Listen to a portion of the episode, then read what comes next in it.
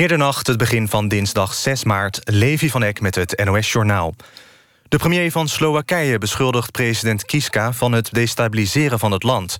Kiska riep de regering op om grote veranderingen door te voeren... of anders verkiezingen uit te schrijven. Volgens premier Fico gaat Kiska zijn boekje te buiten. Aanleiding voor de oproep is de moord op een onderzoeksjournalist. Die onderzoekt fraude met Europese subsidies door hoge ambtenaren. Ook onderzocht hij banden tussen topadviseurs van premier Fico... en de Italiaanse maffia. Na de moord op de journalist gingen tienduizenden Slowaken de straat op... om tegen de regering van premier Fico te demonstreren. Een Rus die vroeger voor de Britten spioneerde... is mogelijk vergiftigd. Gisteren kwam hij bij het winkelen met zijn vrouw... in aanraking met een erg giftige stof. De twee liggen in kritieke toestand in het ziekenhuis in Salisbury... in het zuiden van Engeland. Over de giftige stof is niets bekendgemaakt. Sommige Britse media spreken over fentanyl, een extreem sterke pijnstiller. De Rus is volgens de BBC Sergei Skripal. In de jaren 90 speelde hij namen van Russische geheimagenten door... aan de Britse geheime dienst. De meerderheid van de Tweede Kamer wil dat minister Ollongren zich inzet voor het opheffen van het nepnieuwsbureau van de Europese Commissie. Het bureau bemoeit zich met de vrije pers in Nederland en schiet zijn doel voorbij, zeggen veel partijen.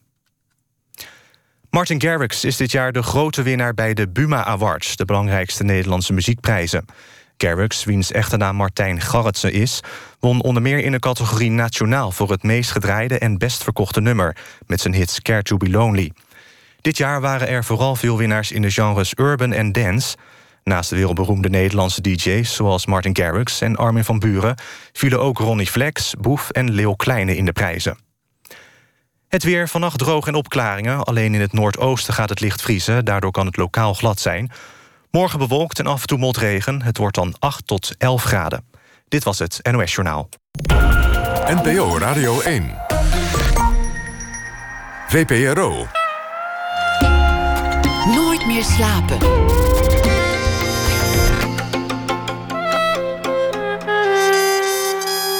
Met Pieter van der Wielen. Goedenacht en welkom bij Nooit meer slapen. Deze hele week is Maartje Wortel, onze vaste schrijver. Elke nacht een verhaal van haar hand bij de nacht en de dag die voorbij is. Fotograaf Barton van Vlijmen komt te gast vanwege zijn boek vol portretten. Dat allemaal na één uur. We beginnen komend uur met Giet op de Beek. Met uh, haar boeken Vele hemels boven de zevende en Kom hier dat ik u kus... werd zij op slag de kroonprinses van de Vlaamse letteren. En komende vrijdag is zij de koningin van het bal op het Nederlandse Boekenbal... want zij schreef het Boekenweekgeschenk... dat in uh, zeer veel exemplaren gedrukt en verspreid zal worden. Het thema is dit jaar natuur, maar godzijdank heeft ze zich daar niet aan gehouden. En een verhaal over de liefde geschreven. Gezien de feiten heet het boek.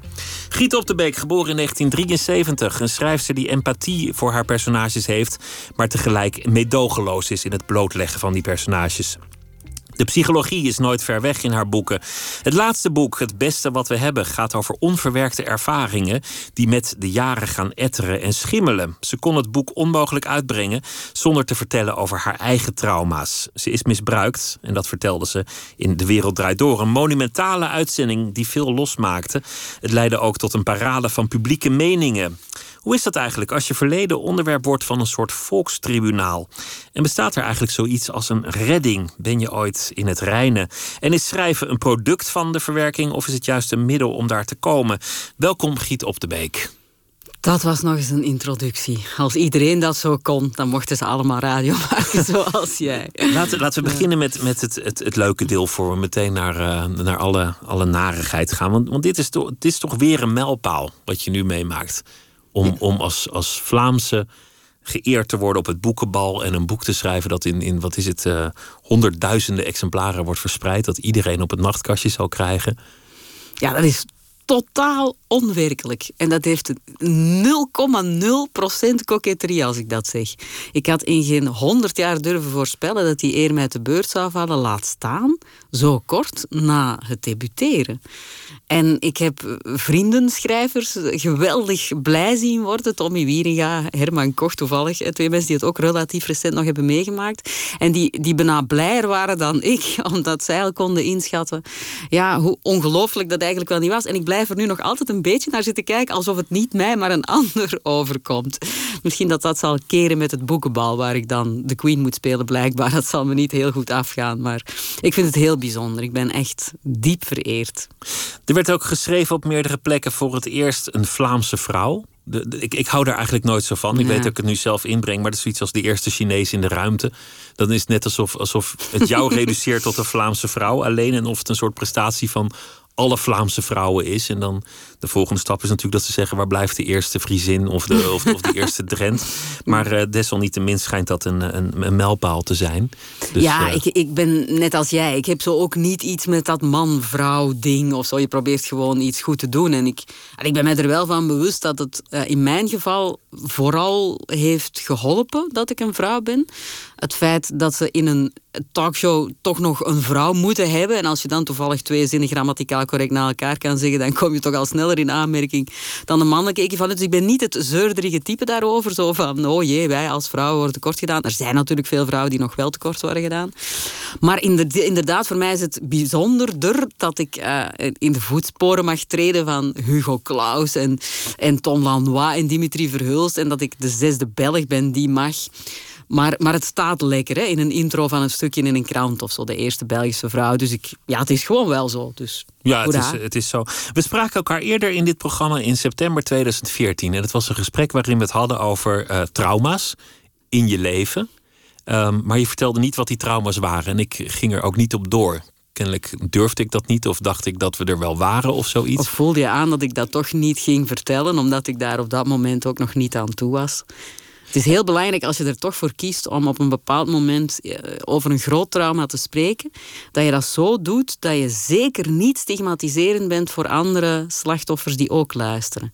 En ik heb zelf al vaak mensen horen getuigen met de beste bedoelingen, dat neem ik voor alle duidelijkheid hen ook niet kwalijk, maar die dan bijvoorbeeld van die dingen zeggen als ja, en nu weet ik wel, iedereen gaat morgen anders naar mij kijken, maar willen jullie dat alstublieft niet doen? Ja, als je dat dan ook meegemaakt hebt en je hoort dat, dan denk je, oh jee, iedereen gaat anders naar me kijken. Ik hou mijn mond maar flink toe. Snap je? En dat soort dingen wou ik absoluut vermijden, maar daarvoor moest ik zelf sterk genoeg zijn en ver genoeg staan in mijn eigen proces om dat te kunnen. En daar heb ik mezelf voor klaargestoomd, geduwd. Uh, op het moment dat ik wist dat die romans gingen verschijnen en dat het momentum daar was. Ik moest het dan doen of niet doen. Zo, zo simpel was het voor mij. Dus in 2014 had ik niet voor prime premières, dat zeg je zo helemaal niet, premières, had ik niet voor een soort nieuwsfeit gezorgd in jouw programma.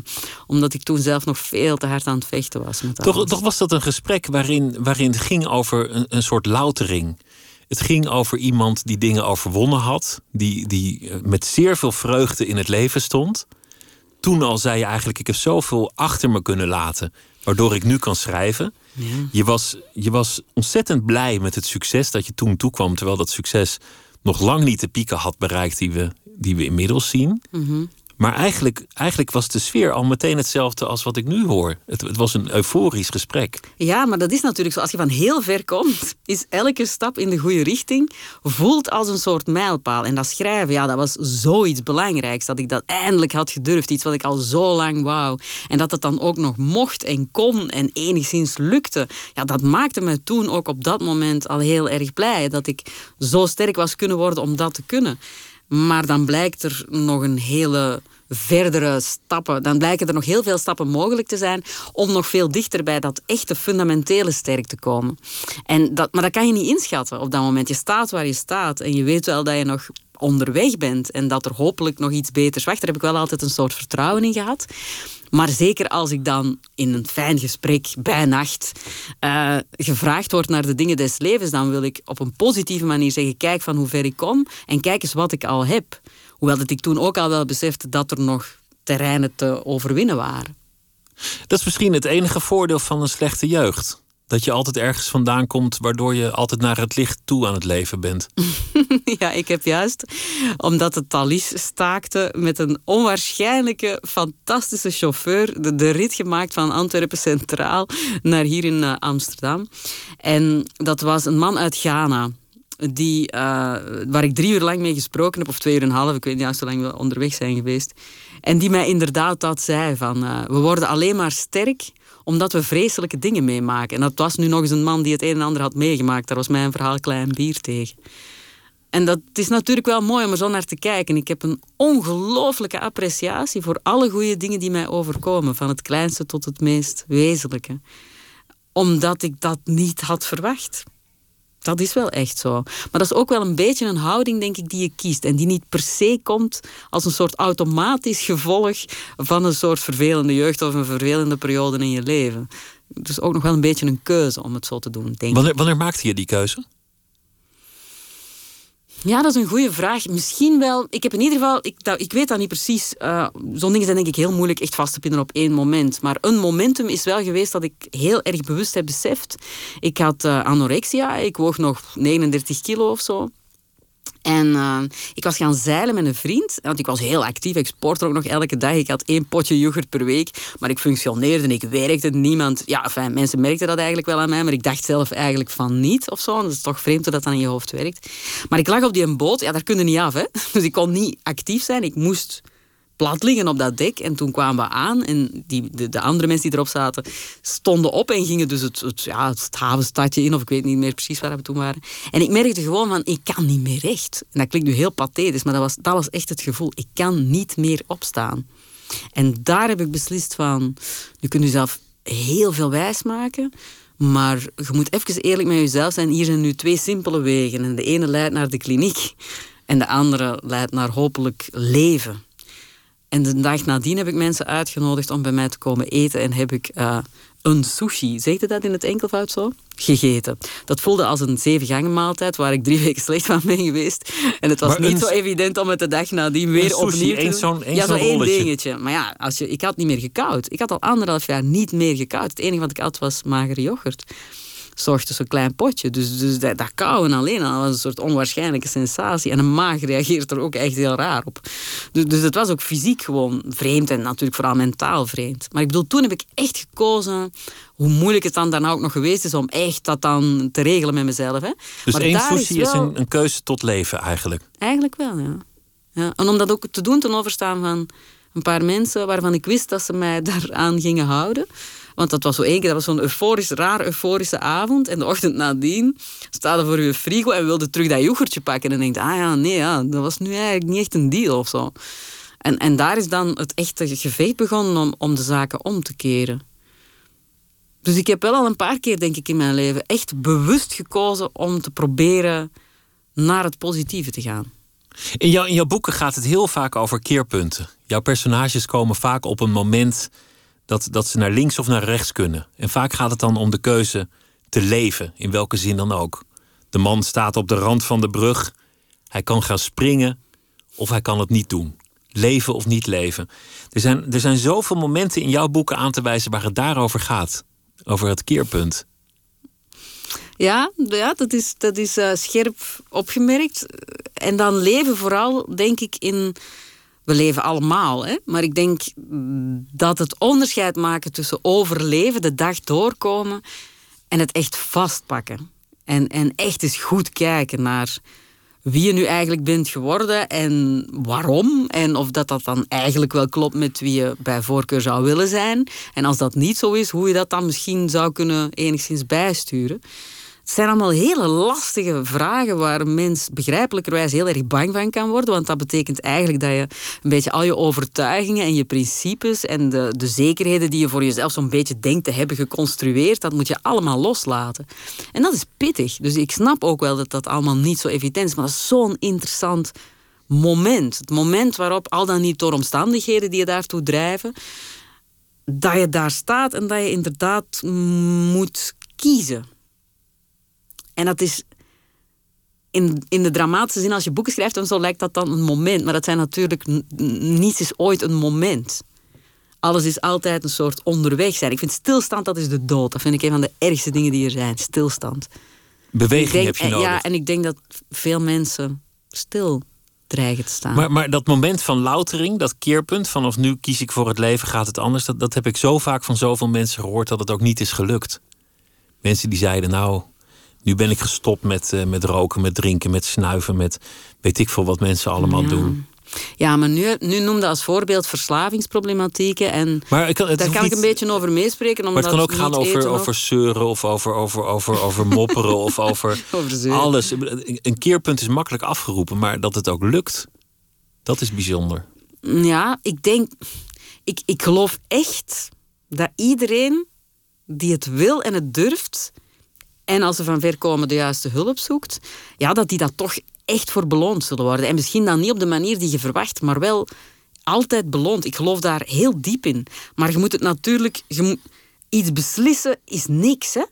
Dat is een, een, een, keuze, je spreekt dat misschien uit, dat is iets rationeel. Ja, dan, dan moeten we wel beginnen met te begrijpen, ja, maar waarom zeur ik altijd? Mensen hebben altijd redenen om te zeuren. Wat is de reden van het gezeur? Waar, waar is de diepste bron van dat zeuren? Waar zit dat? Dat zit waarschijnlijk lang geleden. En dan heb je een soort leven geïnstalleerd vanuit dat patroon in het verleden, waarin je altijd maar dingen herhaalt waar je zeurderig van wordt. Ja, dan moet je natuurlijk wel dat allemaal onder ogen zien en eventueel daar conclusies uit trekken en daarnaar handelen om dat zeuren te kunnen stoppen. Is er ooit een moment dat je er bent? nee, niet echt er bent, maar waar ik wel heel erg in geloof, is dat er iets bestaat als zo, ja, echt een lap grond onder je voeten, waar je van denkt, bon, nu mag het al eens stormen en waaien, want dat doet het leven altijd. Hè. Mensen gaan dood, er gebeuren verschrikkelijke dingen in de wereld. Je kan nooit een soort geluk vinden of zo, dat bestaat, ja, misschien af en toe heel, ik vind geluk hè, zo'n onhandig woord, alleen al om die reden. Maar, maar dat je dat hebt, zo, het idee van nou, ze mogen van ver komen en alles iets gooien met wat gewicht naar mij, de kans dat ik omverval is toch niet meer zo groot. Dat je voelt dat je daarin steeds steviger staat, daar geloof ik wel in. En, en ja, daar moet aan blijven werken, want dat stuk grond ligt daar niet voor eeuwig en altijd. Dat moet je zelf goed vasthouden, denk ik. Ja. Heb je de therapeut inmiddels opgezegd? Of, of kom je daar nog? Je bent er nog niet. Nee, nee, nee, ik ben er echt, eh, echt nog niet. Ik ben al heel ver. En ik heb nu gemerkt dat door zo alle emotie die los is gekomen eh, tussen eind september en, en zeg maar het nieuwe jaar zo'n beetje, dat was heel heftig.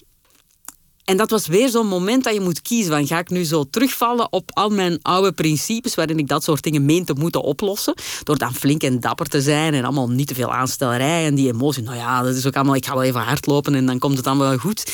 Nee, van dat echt even te laten zijn. Niet op een zeurderige manier, maar gewoon feitelijk van... ja, het is kut nu, het is gewoon kut. En dat even durven laten... dat heeft mij toch weer heel veel opgeleverd. Dus ik sta wel op het, ja, het verste punt dat ik ooit al ben geweest. En veel verder dan ik vijf jaar geleden had gedacht dat ik kon komen. Gewoon puur met mezelf. Zo, hè. Nu heb ik het niet over prestaties of zoiets, maar echt zo'n soort. Ja, innerlijke vrede vind jij een soort kutwoord ook weer. Maar ik, ik gebruik veel te veel het woord kut trouwens. Oh ja, waarvoor excuus. Ehm, ver, maar er nog niet. Maar het moet, het moet ook kut zijn geweest. Want ik, ik zag je op televisie en ik dacht, die, die vrouw heeft moed. Om dit te doen, om, om, deze, om dit verhaal te vertellen... dat voor jou zo pijnlijk en zo persoonlijk is... ten overstaan van 1 miljoen mensen. Ik dacht, die vrouw heeft cojones. Dit is echt moed. En dat er dan vervolgens eh, ja, iets opstak wat jij ook niet kon inschatten. Een soort publiek debat over, over of het waar was of niet. Of jij wel een hervonden herinnering had. Die zei dat jouw vader je misbruikt had. Het werd ook een beetje gesimplificeerd natuurlijk. Het verhaal ligt complexer Enorm. dan, dan, dan, het, dan je het op tv zou vertellen. Of dan dat het dan weer in een column terechtkomt. Maar dat die discussie werd gevoerd aan de hand van jouw verhaal. Dat, dat lijkt me eerlijk gezegd verschrikkelijk. Ja, dat is ongelooflijk, onbeschrijfelijk heftig. En dan kan je zeggen, nou ja, dat heb je dus wel op jezelf, over jezelf afgeroepen. Maar dat gevoel heb ik inderdaad echt niet. Ik heb een aantal keuzes heel pertinent gemaakt. Hè. Ik heb een aantal ja, feiten, of hoe moet ik dat noemen, die, die zeer indicatief zijn, weggelaten. Omdat die ook gingen over mensen die misschien zelf niet meer per se leefden, maar dan wel hun kind of eh, dat soort dingen. En dat wou ik gewoon niet doen. Hè. Het was mijn keuze en ik moest me beperken tot mijn duidelijke stukje van het verhaal en al de rest verzwijgen. Dus dat reduceerde de anekdotiek van, van de hele zaak al. Terwijl die anekdotiek er natuurlijk wel is. Uh, dat was één. Dat is een keuze die ik heb gemaakt. Tweede keuze die ik heb gemaakt is om, om het te hebben over de eindeloze complexiteit ervan. Over dat ongelooflijk lastige gevecht met jezelf waarin je blijft ontkennen wat je gewoon zelf niet wil geloven. dat is de essentie van het verhaal. Ik zou zo graag hebben dat er morgen iemand komt die zegt: We hebben hier zwart op wit het bewijs, het was niet waar. Dat zou de gelukkigste dag van mijn leven zijn. Alleen is het natuurlijk zo dat er zo'n omstandige hoop zware richtingaanwijzers zijn, die allemaal diezelfde kant op wijzen. Mensen doen bijna alsof het zoiets is van, ja, ik voel me niet zo lekker. En dan zit ik bij een therapeut en die fluistert iets in mijn oor en dan zeg ik, oh, misbruik. Ja, hallo, dat heeft niks met de feiten te maken natuurlijk. Hè. Zo is het niet gegaan. Dat is een hele lange weg. Ik heb geen eh, herinneringen gevonden bij mijn therapeut. Ik zat thuis op de bank. Eén keer zat ik op de fiets bij moeten stoppen omdat ik zo moest huilen. Dat is gewoon een beeld. Dat is in de lijst van de honderd en zoveel dingen. Voor mij een van de minder belangrijke trouwens. Maar daar gaat, het gaat niet over of je de flashback van iets nog letterlijk kan vertellen. Dat is eigenlijk maar één, het is, dat is maar één van een hele grote lange reeks waarin je ja, blijkt je te gedragen zoals alle misbruikslachtoffers dat dan doen. En dat gecombineerd met dus allemaal dingen die ik niet eens wil zeggen, ook niet nu vandaag in de radio. Ja, puur rationeel is... het heel moeilijk om, om daar nog veel misverstanden in te zien. En ik ben eigenlijk voor die keuzes ben ik dus afgestraft door een aantal mensen. En dat voelt natuurlijk wrang, snap je? Omdat, ja, omdat het daar eigenlijk net over ging. Het is ook gewoon heel raar dat, dat mensen zich blijkbaar zo cynisch kunnen opstellen dat ze werkelijk zouden denken dat je zoiets verzint om boeken te verkopen. Ik die toch al wel een paar boeken had verkocht. In één artikel waarin iemand suggereerde dat het een, een stunt zou zijn. Op, op social media is dat vrij vaak gesuggereerd. En dan waren er ook de mensen die zeiden van... Uh, ja, ze vertelt het net nu uh, om dan de boeken te verkopen. Mensen die dan niet per se het grote ongeloof uh, cultiveerden. Maar dan denk ik, ja, maar wanneer had ik het moet. Ik bedoel, in zomergasten, toen had ik het absoluut nog niet gekund op die manier, hè, waar ik daar straks al op aanhaalde dat ik het per se wilde doen. Een goede namelijk voor andere mensen. En ik kon, ik kon ook moeilijk nu tegen de interviewers liegen en vervolgens over een jaar of zeven zeggen: zeg, by the way, toen was het eigenlijk uh, niet waar. Ik heb toen eigenlijk verzwegen. Ja, Want je schreef wat, wat, wat ben je dan voor iemand? Ik heb je schreef een boek waarin dat, thema uh, terecht kwam. En dan, en dan word je ondervraagd over zo'n boek. En als het dan daarover gaat, dan, ja, dan, dan moet je haast wel, of in ieder geval dan ligt die bal wel heel erg op de stip om, om dat ook te vertellen. Kijk, ik had een hele simpele basiskeuze.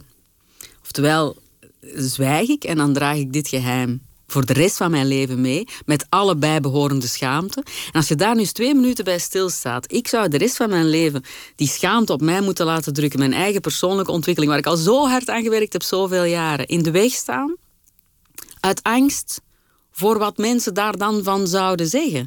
En je moet je schamen over iets wat jou is aangedaan, waar ik nooit voor heb gekozen en wat ik op geen enkele manier heb verdiend. Ja, dan laten de dader winnen, hè? Dat had ik gewoon nooit met mezelf geregeld gekregen. Om, om dat te verantwoorden nog maar dat ik die keuze zou hebben gemaakt. Dat is één. Ten tweede, je bent een schrijver terwijl de wereld in brand staat. Hè? Ik kan niet persoonlijk zorgen dat ik in mijn eentje de klimaatopwarming kan keren. Ik zal geen eh, medicijn vinden tegen alle soorten kankers. Maar ik kan misschien hier of daar wel iets doen dat het dat de puur de boeken overstijgt. En als je dan in een programma waar veel mensen naar kijken die nooit een boek lezen, dat verhaal kan doen en daardoor misschien van betekenis kan zijn voor een aantal mensen, dan vind ik het eigenlijk, hoe langer hoe meer ik daarover nadacht, mijn godverdomse plicht om dat te doen. Ik wil niet alleen maar boeken schrijven die in het allerbeste geval, als het allemaal lukt en meezit, wat niet evident is, hè, een paar uur leesplezier betekenen voor iemand. Dat is te weinig. En ik heb gemerkt, per dat door de boeken die ik nu eenmaal moet schrijven, want dat is niet een soort effect dat ik beoogde of zo, dat blijkt nu een soort neveneffect te zijn, dat mensen daar iets mee doen. Dat dat verder gaat. Eigenlijk dat boeken heel veel mogelijk maken in dit leven. Omdat dat een heel intiem gesprek is dat je eigenlijk voert. En jij bepaalt altijd de grens als lezer. Wat herken ik, wat niet? Waar ben ik het mee eens, wat niet? Waar ga ik over nadenken, waar niet? En in die zin word je denk ik tijdens het lezen uitgenodigd tot een soort introspectie dat je misschien in het leven van alle dag niet aan toe komt. En dat maar dat lijkt me heel eng wat je nu zegt. Want dat betekent eigenlijk dat, dat je bijna als schrijver een soort therapeut bent voor, voor je lezers. En dat die mensen jou aanklampen, met hun verhaal naar jou toe komen. Dat, dat mensen jou willen bezitten of misschien ook, ook ervaringen willen uitwisselen. Je bent in een rol gekomen waar ik niet jaloers op ben. ja, maar dat is iets anders. Hè? In wezen, daar, daar heb je wat, wat je beschrijft, dat gebeurt inderdaad. En dat is soms best heftig om te dragen. Als ik daar knock-out lag uh, in mijn sofa die maanden. En dan krijg je elke dag een hele reeks verhalen van mensen die uh, soms verschrikkelijk zijn. En, en, en ik ben niet een soort rationeel afstandelijk iemand die denkt, nou, weer een ellendig verhaal. Nee, dat komt allemaal binnen. Dus dat was best pittig op dat moment. En ik vond dan ook, ja, ik heb die deur zelf opengezet. Dus nu moet ik ook al die mensen persoonlijk beantwoorden. Tenzij de grensoverschrijdende. Die zijn er Ja, ook. dat moet je toch dat helemaal niet. niet? Waarom moet je dat? Ja, ik vond dan voor mezelf, dat, ja, dat bedoel ik dan met het mag, mee, het mag iets meer zijn. Ik heb voor mezelf nu, misschien evolueert dat ooit nog, maar op dit moment heb ik het gevoel dat ik dat dan moet doen. En pas op, dat zijn dan geen brieven van tien bladzijden. Hè. Dat zijn meevoelende, korte, vriendelijke antwoorden in de hoop van mensen te erkennen. Eigenlijk het enige wat ik kan zeggen is, ik heb u gehoord. Dat is hetzelfde als mensen met boeken in de rij staan om te signeren, die ook soms een heel verhaal... Ik wil die even het gevoel hebben gegeven, ik heb u gehoord en gezien. Dat is soms al veel voor iemand. Meer kan ik ook niet doen, daar stopt het natuurlijk ook. En er zijn inderdaad mensen die mijn beste vriendin willen worden en die van mij weet ik veel wat allemaal verwachten aan soorten hulp in blijvende fases, die mij blijven mail sturen. Ja, daar, daar trek ik natuurlijk mijn grenzen. Ik kan niet anders, dat is- zou niet te doen zijn. Maar heb je je leren wapenen? Want hoe, is het, hoe is het als je zo, zo gevoelig bent? Want, want volgens mij ben je dat. Corrigeer me als ik het verkeerd heb. Maar We je bent zijn mij- allemaal heel gevoelig, denk Nou, maar, maar de, een anders dan de ander. Maar je bent zeer sensitief, denk ik. Hoe, hoe heb je je kunnen wapenen inmiddels? Tegen kritiek, tegen mensen die, die te dichtbij willen komen, tegen mensen die van alles van je willen. Ja, dat zijn twee verschillende dingen. Kritiek en mensen die iets van je willen. Ik probeer daar heel goed te luisteren van wanneer klopt dat en wanneer klopt dat niet. Als, als, als er, er zijn echt mensen met psychische aandoeningen en zo die mij, die mij ook berichten sturen en die, die iets, iets eisend krijgen. Ja, daar antwoord ik gewoon heel simpel niet op. Daar heb ik ook nogal een, een redelijke gevoeligheid voor, wa- waar ik, waar ik die grens moet trekken. En ik hoop maar dat mensen gewoon het gezond verstand hebben om te begrijpen als ik één keer antwoord en zij antwoorden weer terug en ik krijg twee weken later opnieuw een soort verslag over ze. Ja, dan hoop ik dat ze begrijpen waarom ik niet nog eens antwoord. Dus dat is een grens die ik... Ik heb gewoon nooit grenzen kunnen bewaken. Dat was mijn probleem. Mijn grenzen zijn namelijk als kind op geen enkele manier gerespecteerd geweest. En dat is dus heel lang een soort issue geweest. Op alle vlak, vooral in persoonlijke relaties die ik met de mensen in mijn leven en omgeving had. En daar ben ik dus veel sterker in geworden. Dat kan ik nu eigenlijk heel goed met mensen die in mijn persoonlijke omgeving zitten. En van daaruit dan eigenlijk nog net iets makkelijker met mensen die je tegenkomt als je een lezing gaat geven of zoiets. Dat is ook een, een symptoom van eigenwaarde, je grenzen bewaken. Ja, dat is echt iets waar ik ongelooflijk hard aan gewerkt heb, omdat dat het grote issue was. Ik wist niet eens wat dat was eigenlijk, een grens trekken. Echt niet. Ik vond het allemaal normaal als ik nu terugkijk op dingen die ik mij heb laten overkomen. Hoe, hoe ver ging dat? Betaalde je alle rondjes in het café? Of Ja, onder eh, andere, bijvoorbeeld- ja, dat is een stom maar goed voorbeeld. Ja. wees je opdringerige mannen om- de deur niet meer? Wat zeg je? Wees je opdringerige mannen nog wel de deur? Ja, nu gaan we wel. Het is wel een avond- en nachtprogramma, maar dat vind ik nu toch wel net iets te persoonlijk. Maar in het algemeen kan ik inderdaad bevestigen dat, dat ik ehm, niet begreep dat sommige dingen eigenlijk niet oké waren. Ik was gewoon al lang blij dat iemand mij zag staan. En dan, ja, deed ik wat er van mij werd verwacht in de hoop dat daar iets van ja, warmte, liefde, genegenheid, aandacht, wat het ook mogen wezen, waardering, even vanaf zou komen. En dat was natuurlijk nooit zo. Want mensen die die grenzen niet respecteerden, hebben dat ook helemaal niet te geven. Dat is mijn verantwoordelijkheid, mijn stuk. Ik verwijt dat niemand. Hè. Dit is voor alle duidelijkheid niet een soort hashtag MeToo-geval.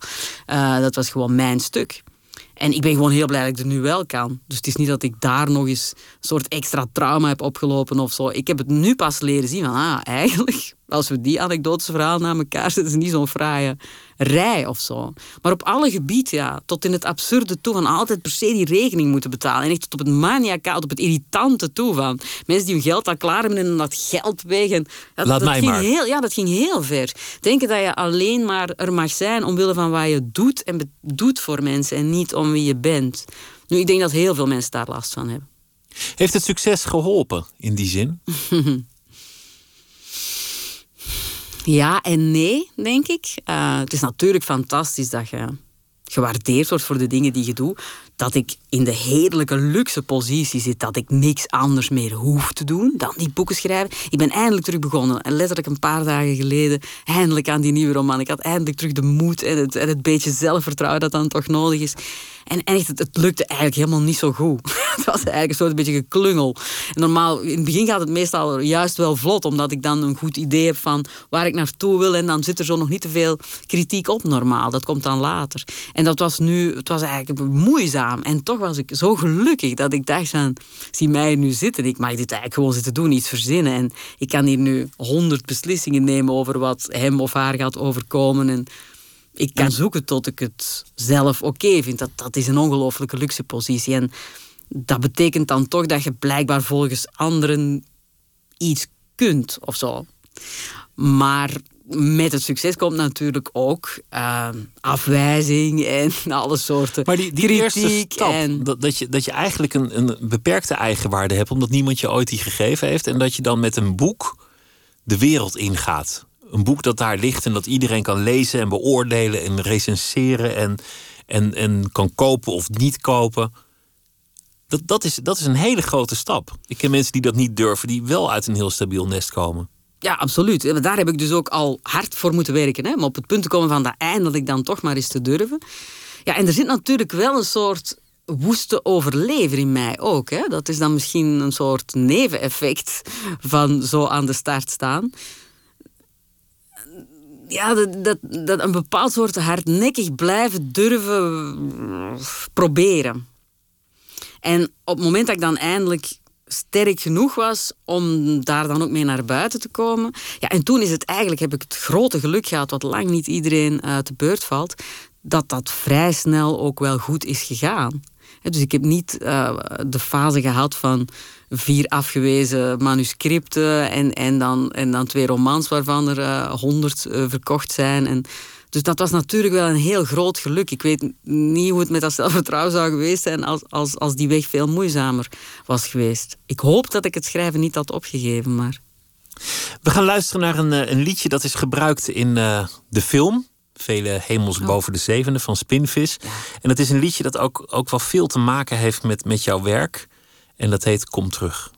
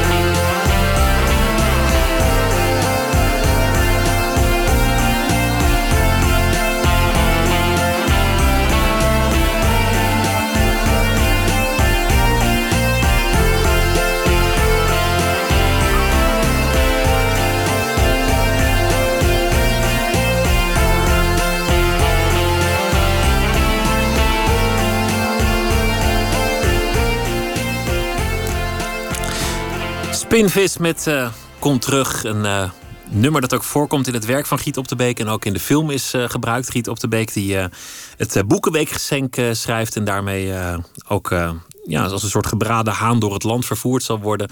om op avonden te spreken, om te signeren, om geïnterviewd te worden. Heeft een enorme reis voor de boeg.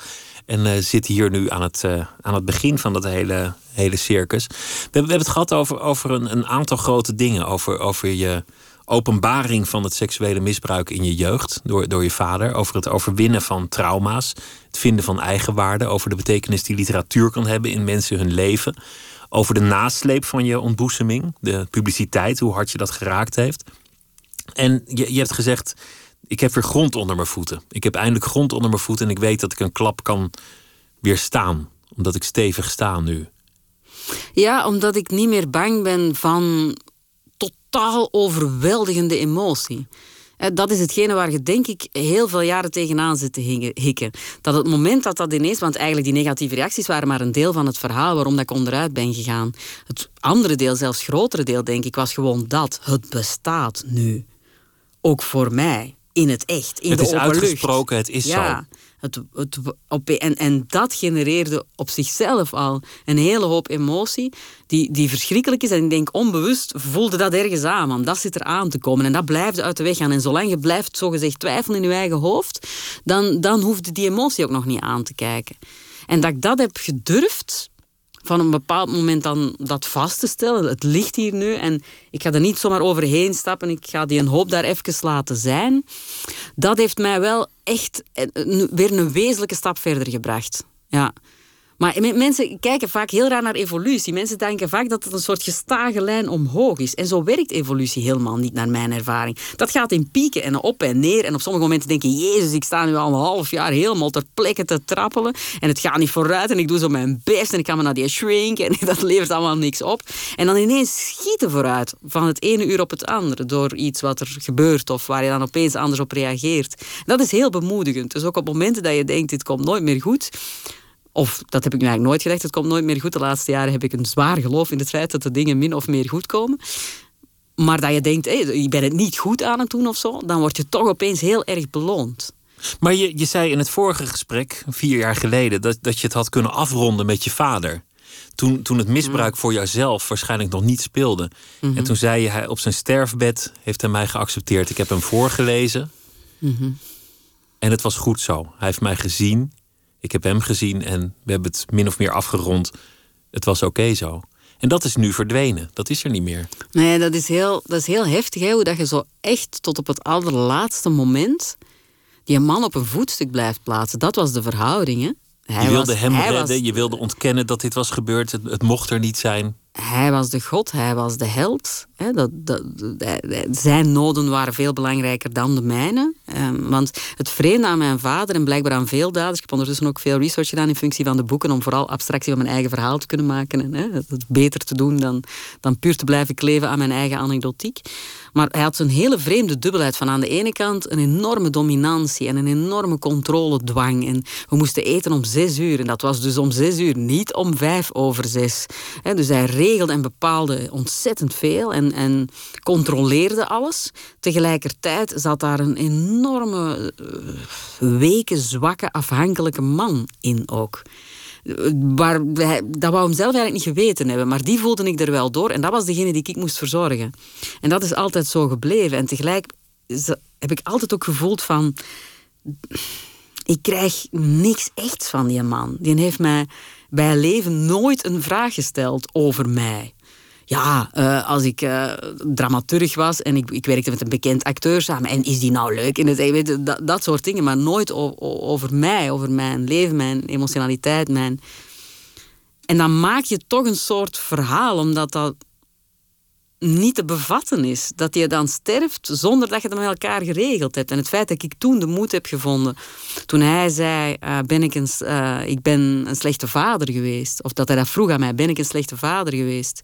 Dat ik toen heb durven zeggen: ja, geen slechte, maar je bent wel geen moedige vader geweest. Dat vond ik toen voor mijzelf. Ik was, er ik was helemaal over mijn toeren dat ik dat al had durven zeggen. En ik ben meteen daarna terug in een soort modus gegaan van... Ja, maar ik bedoel dat zo en ik bedoel niet dit. En uh, om dat toch allemaal maar weer recht te zetten. Om toch maar niet de angst meteen om de zogenaamde liefde van die vader te verliezen. Dus ik moest toen voor mijzelf iets maken om dat aan te kunnen dat hem nu echt weg was. En dat, ik heb nu spijt. In eerste instantie, toen, toen ik het misbruik voor de eerste keer uitsprak, was ik eigenlijk opgelucht. Zo van, oh, hij is er tenminste niet meer. Ik hoef daar nu niet meer over na te denken van, ga ik hem dat dan zeggen of niet? Of dat was bij mijn oudste zus uh, nogal een kwestie geweest in de tijd, zonder daar nu uh, op in te willen gaan. En ik dacht, dat, dat, dat is mij dan toch alvast gegund, dat ik dat niet hoef te doen. En nu, met dus nog wat meer tijd die daar overheen is gegaan, vind ik het eigenlijk jammer. Hij zou het nooit hebben toegegeven, heeft hij bij mijn zus ook niet gedaan, hoewel er daar een getuigenis en zo. Dat is een heel ander verhaal. En dat is doorgaans wat daders doen. Hè. Die blijven ontkennen tot er een soort hard bewijs is dat in dat soort gevallen zelden of nooit bestaat. En zeker niet na zoveel jaren. Maar ik had hem wel in de ogen willen kunnen kijken en dat zeggen om te kijken hoe hij keek. Denk je dat je hem ooit kunt begrijpen? Ik heb heel lang gedacht van niet. Omdat ik me werkelijk, en ik denk dat dat ook het probleem is en dat ook veel negatieve reacties van daaruit komen. Mensen kunnen en willen zich dat ook niet voorstellen. Dat een vader met zijn eigen kind, de, een kleuter, dat is echt klein, van daar dingen mee te doen waarvan elk verstandig man eigenlijk weet dat dat niet klopt en dat dat gevolgen gaat hebben dat je dat doet. Maar nu zijn er recent, door mijn getuigenis, uh, andere getuigenissen uit de familie. Enfin, het is een ingewikkelder verhaal geworden. Um, en ik begin er een beetje zicht op te krijgen, wat ik nooit had gedacht. Dat er toch factoren zijn die wel verklaren waarom hij daartoe is overgegaan. Wat ook weer ingewikkeld is. Ik vraag, ik vraag het omdat je, dat je in je boeken eigenlijk altijd heel ver gaat in, in het inleven in je personages. Je, je vindt eigenlijk niet iets gek, je oordeelt niet, je maakt je er niet van af. Je maakt nooit iemand zomaar slecht of gemeen. Ja. Je geeft iedereen iets mee. Nee, maar dat is ook een probleem. Ik ben nog altijd niet in staat om kwaad te zijn op mijn vader. Ik ben in het algemeen ongelooflijk slecht in kwaad zijn. Ik, ik, dat zit niet in mij. Terwijl het soms wel eens goed is. Omdat... Zo was lekker. Kwaad is van je af. Nee, en soms heb je gewoon gelijk en mag je even kwaad zijn. En niet haatdragend voor de rest van je leven, maar gewoon even kwaad. En dat, ik ben meteen bang dat dat alles zal om zeep helpen met de persoon in kwestie uh, als ik dat doe of zo. Dat is echt iets wat ik nog moet leren. En ik denk dat dat begint bij durven kwaad zijn op mijn vader. En dat is iets uh, wat ik niet kan. Uh, nog altijd niet. Tegelijkertijd, als het dan gaat over de boeken, ja, ik vind het veel interessanter om niet te oordelen. Omdat ik ook inderdaad ongelooflijk veel soorten menselijk gedrag kan begrijpen. En bijna alle mensen die dingen doen die niet kloppen, is daar ook een reden voor waarom zij daartoe gedreven zijn. En in het geval van mijn vader had ik daar geen, geen flauw benul van, van wat dat had kunnen zijn. En nu misschien wel. Het is, het is ook in je boeken zo dat je eigenlijk alles gebruikt dat, dat jou is overkomen. Het, het, het misbruik zit in een boek, de anorexia zit in een boek, de, de zelfmoord, ehm, het niet kunnen leven, het, het niet hebben van eigenwaarde. Eigenlijk in verschillende personages heb je al die aspecten weg kunnen stoppen. Ja, maar nooit op een anekdotische manier of zo. Anekdotiek is ongelooflijk oninteressant en zit keihard in de weg. Zo autobiografie, dan denk je, ja, dan moeten ze de waarheid recht doen. Dat lijkt me vervelend. Het lekkere aan boeken is net dat je een mooie afscheidszijde met je vader kan schrijven als personage in het boek. Dus dat is een soort verheviging van realiteit die ik nooit zou willen missen. Maar natuurlijk heb je als schrijver ook alleen maar jezelf. En alles wat je ooit hebt gelezen en gedacht en meegemaakt en ervaren en gevoeld en gezien. En dat is ook volgens mij de grootste opdracht van een schrijver. Is om te proberen zo hevig mogelijk te leven. En zo zelfreflectief mogelijk te zijn. En zoveel mogelijk, zo groot mogelijk de wereld te maken voor jezelf. In de hoop dat er telkens opnieuw een soort interessant boek uh, van kan komen. En eerlijk te zijn, ook al is het niet waar wat je schrijft. Maar er moet wel een soort eerlijkheid in dat boek zitten. Ja. Ja, ik denk juist dat soms de minst autobiografische boeken de eerlijkste zijn. En dat is, dat is wel echt een streven, ja. Het is heel grappig dat je dat eigenlijk zegt, omdat, maar ja, dat is een beetje... Ik heb de Frans Kellendonk, ik mag dit jaar de Frans Kellendonk lezing geven aan de Universiteit van Nijmegen. En dat is een van mijn punten uh, in dat betoog. Maar dat ga ik dus nu al niet zitten doen, want dan heb ik het allemaal al weggegeven. Maar het, ja, ik denk dat dat belangrijk is voor een, iemand die iets artistieks wil doen, om dat te zijn. De liefde, want daar gaat het, uh, het Boekenweekgeschenk over. Het, het gaat over een, een, een vrouw die ook weer voor een keuze staat in haar leven. Modder ik door of, of maak ik die keuze waarbij ik mijn omgeving moet trotseren? En, en uh, nou ja, het, het, eindigt gelukkig niet gelukkig. Want dat zou een beetje jammer zijn, vind ik. Ik heb toch niet de spoiler gedaan nu? Nou, een beetje toch een beetje wel. Oké, nou ja, vooruit. Maar um, de liefde, hoe, is, is dat je eigenlijk ooit gelukt? Ben je ooit in staat geweest om, om goede relaties aan te gaan? Ja, kijk, dat, dat is nu zo het stukje van mijn eigen leven dat ik graag wat voor mijzelf allemaal wil houden. Maar ik hoef niet te weten met wie of, of hoe het nu zit, maar, maar in, in het algemeen. Als je je grenzen niet kan bewaken, als je geen eigen waarde hebt. Nee, ah, wel ja, dat, dat, in het algemeen zal ik nooit meer een foute man kiezen. Daar ben ik wel zeker van. Want dat was vroeger wel het geval? Ja, het is een, uh, een, een fijne reeks. Maar geloof je, geloof je in, een, in een liefde? Geloof je in een duurzame relatie? Ja, ik geloof ontzettend in de liefde. In het belang daarvan, in, in wat dat kan betekenen voor een individu. Maar op grote voorwaarden dat, uh, ja, dat het echte liefde is. Dat het gaat over volstrekte gelijkwaardigheid en totale wederkerigheid. En ik denk dat in die zin het woord liefde vaak slordig gebruikt wordt. En makkelijk wordt bewaard als term, omdat die nu eenmaal ooit van toepassing was, terwijl dat het er na jaren niet per se nog heel veel mee te maken heeft. Dat is de vraag die niemand zich ooit durft te stellen. Is dit wel liefde? Is nou, hier wel liefde of is hier al lang sprake van, van strijd en manipulatie? Het is de allerbelangrijkste vraag om jezelf te stellen. Maar ik denk dat we allemaal geneigd zijn dat heel veel miserie veroorzaakt wordt, omdat we allemaal geneigd zijn om vanuit de foute motieven onze partner te kiezen. Moet ik dat nu? Ja, dat moet ik misschien uitleggen. Ja. Dus, dus um, ik denk dat we dus in onze vroege jeugd uh, lopen allemaal littekens op, grote of kleine. Misschien dingen waar je van bewust bent of minder van bewust, maar iedereen heeft dat. En van daaruit ontwikkelen we hele sterke behoeftes, die we dan keihard projecteren op die geliefde. Maar ja, wat dat die mens ook probeert, je kan dat natuurlijk nooit oplossen, want hij of zij is nooit, het is niet degene die dat ooit fout heeft gedaan. een voorbeeld, stel, um, dat ik eh, ouders heb gehad die mij heel onzeker hebben gemaakt over hoe ik eruit zie, dan zoek ik een man die drie keer in de week zegt: Nee, schat, uw gat is niet te dik in die rok. En als het dan zeer diep geworteld zit, mijn probleem, dan zoek ik iemand die, ondanks het feit dat hem dat dus zelf regelmatig zegt, mij toch, als ik erop aankomt, het gevoel geeft dat ik niet mooi genoeg ben. Want dat is wat wij mensen eigenlijk doen, hè? perverselingen die we eigenlijk zijn. Wij verzamelen mensen om ons heen die ons bevestigen in ons allerdiepste zelfbeeld, zelfs als dat eigenlijk beschadigend is. Ja, en daar begint de hele miserie natuurlijk. En daarom is dat is ook zo een van de dingen die, waarom dat ik zo pleit voor, uh, voor naar uzelf leren kijken en snappen waar de dingen vandaan zijn gekomen. Want als je weet wat u ooit is aangedaan door wie of wat u ooit beschadigd heeft, ja, dan kun je dat met uzelf oplossen en misschien in de beste gevallen bijgestaan worden door die fantastische geliefde die u daarin helpt om alle gevolgen daarvan mee weg te werken. Maar dan moet het in de liefde alleen nog maar gaan over elkaar graag zien.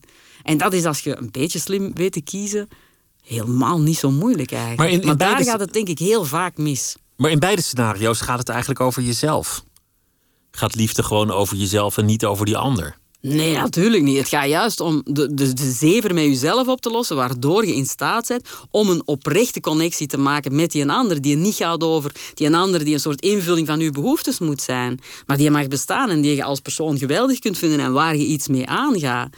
En, en waar je niks op projecteert. Dat is juist volgens mij het grote probleem in heel veel relaties. Hoe zit jouw dat, ideale dat er relatie eruit? Zit. Hoe, hoe zie je dat voor je? De, de, de ideale liefde voor jou? Ja, wat ik daarnet zei. Ik vind dat, dat zijn voor mij zo echt de sleutelwoorden. Wederkerigheid en gelijkwaardigheid. Dat is een moeilijke, hè? Dat, is, dat, komt niet, dat is niet zo heel dik gezaaid, denk ik, relaties die werkelijk stoelen op die twee principes. Maar als je dat hebt met elkaar, dat is alles. Maar dan moet je eerst zelf je huiswerk gemaakt hebben. Maar dan, dan zou in jouw geval dus de, de, de, de partner gedreven auteur moeten zijn. Nee, dat heeft daar niks mee te maken. Gelijkwaardigheid gaat, bedoel ik als mensen. Hè? Dat, dat je als mensen elkaar respecteert in wie je zij laat bestaan, zie, niet domineert.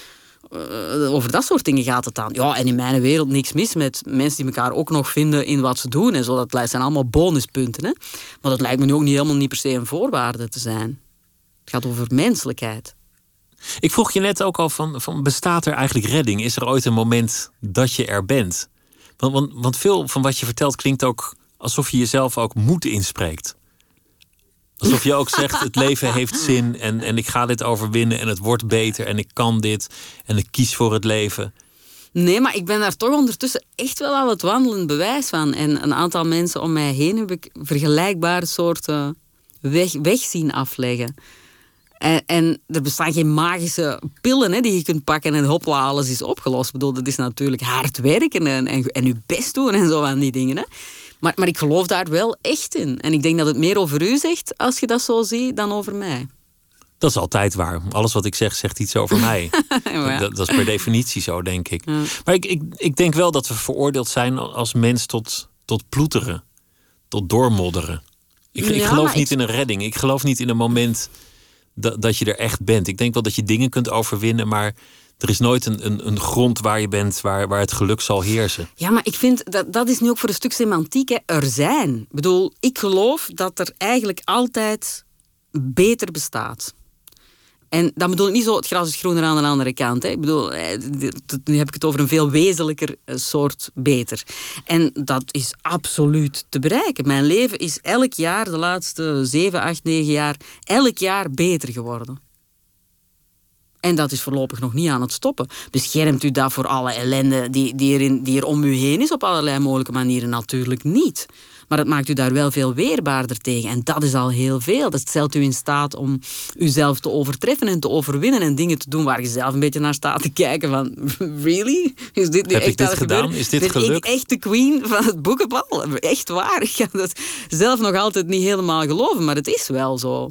En, en dat soort momenten mogen meemaken zijn toch een ongelooflijke beloning. Ik denk dat je niet hard moet zoeken naar een soort zen-staat van zijn. Waarin niks u nog raakt. Zo. Dat bestaat inderdaad niet. Maar, maar kun je ongelooflijk blij zijn met al dat soort momenten die zich dan zomaar aandienen als een gevolg van dingen die je zelf hebt gedaan en overwonnen. Jij noemt dat ploeteren en modderen, dat klinkt ook allemaal zo negatief en donker en vreselijk. Ja, ik noem dat vechten, terugvechten. En daar gaat een soort kracht van uit. En dat is niet op elk kwartier even gezellig. Hè? Dat zit ik hier niet te beweren. Hè?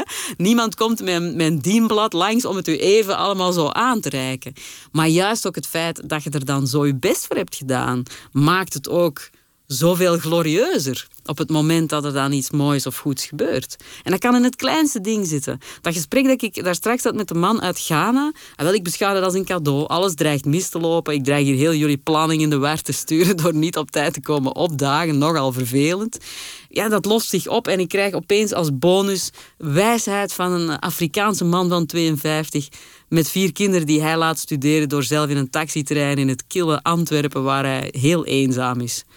Ja, dat is toch bijzonder. Wat ik, wat ik ook een mooi beeld vind, is, is jou aan je schrijftafel. En, en dat je daar al die personages keuzes laat maken in hun leven, hun, worstelingen meegeeft. En probeert echt te doorgronden iets mee te geven. En eigenlijk soms een redding geeft, of soms juist ook niet. Soms in een heel absurd, humoristisch universum. Maar soms ook, ook, eigenlijk heel concreet. Maar het is bijna een soort laboratorium waarin je alles kunt laten gebeuren dat, dat misschien in het echt niet lukt, of wat je had gewild, of hoe het ook had kunnen gaan. Ja. Het is bijna alsof je een wereld erbij hebt gekregen. Dat is echt zo. Ik ervaar dat echt letterlijk zo. Ik vind, los van alle kommer en kwel in dit leven, is een van de dreigende problemen ook een al te grote banaliteit, routinesleur, al dat soort ellende. En daar heb ik toch wel een behoorlijk krachtig wapen tegen gevonden. Het feit dat je daar inderdaad mag gaan zitten en mensen zeggen vaak, ja, de eenzaamheid van het beroep van een schrijver. Dan denk ik altijd, nou, valt reuze mee. Want op het moment dat je aan het schrijven bent, zijn helemaal niet alleen. zijn de minst eenzame momenten van mijn dag. Omdat je daar bent bij die mensen waar dat mee gebeurt. En de kracht om daar alle keuzes zelf in te mogen maken, om in, in het midden van het leven waarin zoveel dingen niet te controleren vallen, daar de controle over te hebben en te proberen iets te doen waar je alvast zelf blij van wordt. Want meer heb je ook niet terwijl je bezig bent. Hè. Lezers dat bestaan niet terwijl je aan het werk bent. Ja, dat is iets heel bijzonders, vind ik. In je, in je laatste boek heb je een personage die aan de rand van de brug staat, op het punt om te springen. Hij kiest om toch te leven. En hij kiest ervoor om op die brug heen en weer te lopen en mensen te redden. Ik vond het een prachtig stuk fantasie. En toen zag ik ineens een reportage van Ruben Terlouw over China. Waar verdorie daadwerkelijk zo'n man op een brug stond. Die mensen voor, voor zelfmoord probeerde te behoeden. Ik heb dat ooit, uh, terwijl ik aan het hardlopen was, in een podcast iemand iets horen over vertellen. Jaren eerder. En dat is me altijd bijgebleven. Wat een fantastisch iets. En dan ben ik nog een stapje verder gegaan door die man. Uh, want dus de echte man, hè, die, die gaat zo in het weekend gaat die met, een, met een soort brommertje gaat hij heen en weer op die brug rijden. En met geweld ook sleurt die mensen van die brug af. En dan bindt hij ze vast aan, aan hem, met een soort riem om hen, hen en hem heen. Uh, en dan giet hij daar heel veel drank in, zodat ze eindelijk eens vertellen, want het ja, Aziaten dat heeft geleerd te zwijgen naar het schijnt. Hè. Uh, waardoor hij dan alles is vertellen en daarna is het dan opgelost in zijn En dan leven. zegt hij leven nu. Ja, voilà. Nu, nu zijn we geen flauwekul, gewoon doorgaan. Dus het is, het is een soort variant op het thema. Maar ik denk, nee, als er nu zo is die gaat daar gewoon wonen. En dat wordt gewoon de invulling van zijn dag. Hij die altijd komt als het te laat is. Hè. Zijn beroep was rechter en hij moest dan oordelen na de feiten. Die, ik, die, hij wou gewoon eens proberen om die feiten voor te blijven. Dus kijken wat ben dat zelf ook, heb jij zelf ook een soort, soort, soort redder in je? Want, je? want je zei, ik, ik hoop mijn lezers iets mee te geven. Ik hoop op te komen voor mensen die hetzelfde als ik hebben meegemaakt. Zit die kant ook in jou, mensen willen redden? Goh, ik hoop dat eigenlijk niet. Het klinkt zo klef als je het zo zegt ook. En voor alle duidelijkheid, ik schrijf zo geen boek. Allee, ik schrijf geen boeken om mensen te helpen of zoiets. Nee, het is wel literatuur. Het is geen zelfhulpboek of zo. Ja, voilà. Ik schrijf gewoon. Ik, ik probeer radicaal trouw aan mijzelf te zijn en te schrijven. Ja, alles bestaat al. En het enige wat je kunt proberen is om zo dicht bij jezelf te blijven dat je misschien raakt aan iets wat voor een ander ook iets kan betekenen. Want dat geloof ik heel erg dat juist in het meest persoonlijke ook het meest universele zit. En dat is wel iets wat ik ter harte heb genomen. En dan blijkt het neveneffect te zijn dat mensen daar blijkbaar hier of daar iets aan hebben. En in het begin vond ik dat eigenlijk een beetje ongemakkelijk. Zo, ik was zo wat bang dat, dat mensen dat zouden zien als iets dat afbreuk deed aan de literariteit ervan of zo. En daar ben ik wel heel erg in geëvolueerd. En dat ben ik nu wel gaan omarmen. En dat bedoel ik. Ik vind het eigenlijk bijzonder. Dat is toch wat we als artiesten allemaal willen. Radicaal trouw aan uzelf zijn en toch impact hebben dat is toch iets heel moois als dat gebeurt. Dus in plaats van daar zo'n beetje uh, verontschuldigend bijna over te doen, zoals ik in het begin geneigd was, denk ik, nee, nee, is fantastisch. Ongelooflijk. En als ik dan nog een stap verder kan gaan, hè, door inderdaad een, een, een, groot taboe dat duidelijk heel erg groot is, nog is nog maar eens gebleken, om toch te proberen daar ook eens tegenaan te stampen. Ja, ik, ik vind dat, dat is, wat, dat is dan toch wie ik wil zijn als een heel schraal antwoord op een wereld waar ik mij buitengewoon veel zorgen over maak. Want zo optimistisch als ik ben over de maakbaarheid van de mens. En de wereld bestaat natuurlijk toch uit een optelsom van ons allemaal individuen. Dus dat is al wel heel veel en dat raakt aan alle grote thema's in de wereld volgens mij. Maar tegelijkertijd, ik, ben, uh, ik zie het ook behoorlijk donker in op een aantal vlakken. Hoe dat allemaal aan het evolueren is. Maar dit was de belangrijkste conclusie die je kon, kon maken hier, die je kon trekken. Dit is wie ik wil zijn. Ja, niet iedereen kan iets doen dat werkelijk voor meer dan één ander iemand. Je kan op straat iets vriendelijks doen, iemand valt met de fiets en je gaat heel bezorgd vragen hoe het gaat. Dat is een mooie vorm van medemenselijkheid, maar als je in staat bent om dat toch op grotere schaal te doen, en het is werkelijk, ik heb een kleine 2000 mails gekregen sinds uh, september eh, het is wonderlijk wat, voor, wat dat blijkbaar toch echt kan betekenen voor mensen. Mensen die echt eindelijk na jaren hulp gaan zoeken, die eindelijk een gesprek aangaan met iemand om, om, om erover te vertellen, die, die het gebruikt hebben om uit te leggen aan hun dierbaar van zo is het. Ik heb het nooit kunnen vertellen, maar zo is het. Ja, dat is toch heel ontroerend dat zoiets mogelijk is tussen mensen. Ja. Dankjewel, Giet op de Beek, dat je te gast wilde zijn. Veel plezier komende week en vooral heel veel plezier ook uh, als koningin van het boekenbal. Dank. Jij bedankt.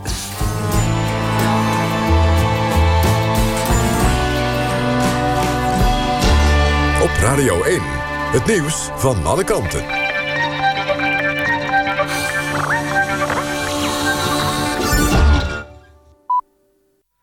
1 uur, Levi van Eck met het NOS-journaal. De orthodox-Joodse school Het Geider in Amsterdam... heeft in 2012 maandenlang geweigerd aangifte te doen... tegen een docent die werd verdacht van seksueel misbruik. Volgens het NRC wilde de school de zaak intern... en volgens de Joodse wet afhandelen. Pas na druk van de minister van Onderwijs deed de school aangifte. De leerkracht wordt verdacht van ontucht... met minstens vijf leerlingen tussen de 6 en 13 jaar. Volgende maand staat hij voor de rechter. De premier van Slowakije beschuldigt president Kiska van het destabiliseren van het land. Kiska riep de regering op om grote veranderingen door te voeren... of anders verkiezingen uit te schrijven.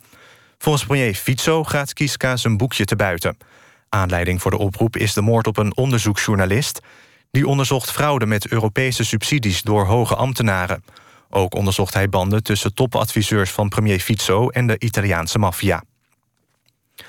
Een Rus die vroeger voor de Britten spioneerde... is mogelijk vergiftigd. Gisteren kwam hij bij het winkelen met zijn vrouw in aanraking... met een erg giftige stof. De twee liggen in kritieke toestand in het ziekenhuis in Salisbury... in het zuiden van Engeland. Over de giftige stof is niets bekendgemaakt. Sommige Britse media spreken over fentanyl... een extreem sterke pijnstiller. De Rus is volgens de BBC Sergei Skripal. In de jaren 90 speelde hij namen van Russische geheimagenten... door aan de Britse geheime dienst. Martin Garrix is dit jaar de grote winnaar bij de Buma Awards... de belangrijkste Nederlandse muziekprijzen. Garrix, wiens echte naam Martijn Garretsen is... won onder meer in de categorie Nationaal... voor het meest gedraaide en best verkochte nummer... met zijn hit Care to be Lonely. Naast wereldberoemde Nederlandse DJ's zoals Martin Garrix en Armin van Buren... vielen ook Ronnie Flex, Boef en Leeuw Kleine in de prijzen. Het weer dan nog, vannacht droog en opklaringen. Alleen in het noordoosten gaat het licht vriezen. Daardoor kan het lokaal glad zijn... Morgen bewolkt en af en toe motregen. Het wordt 8 tot 11 graden. Dit was het NOS Journaal. NPO Radio 1. VPRO. Nooit meer slapen.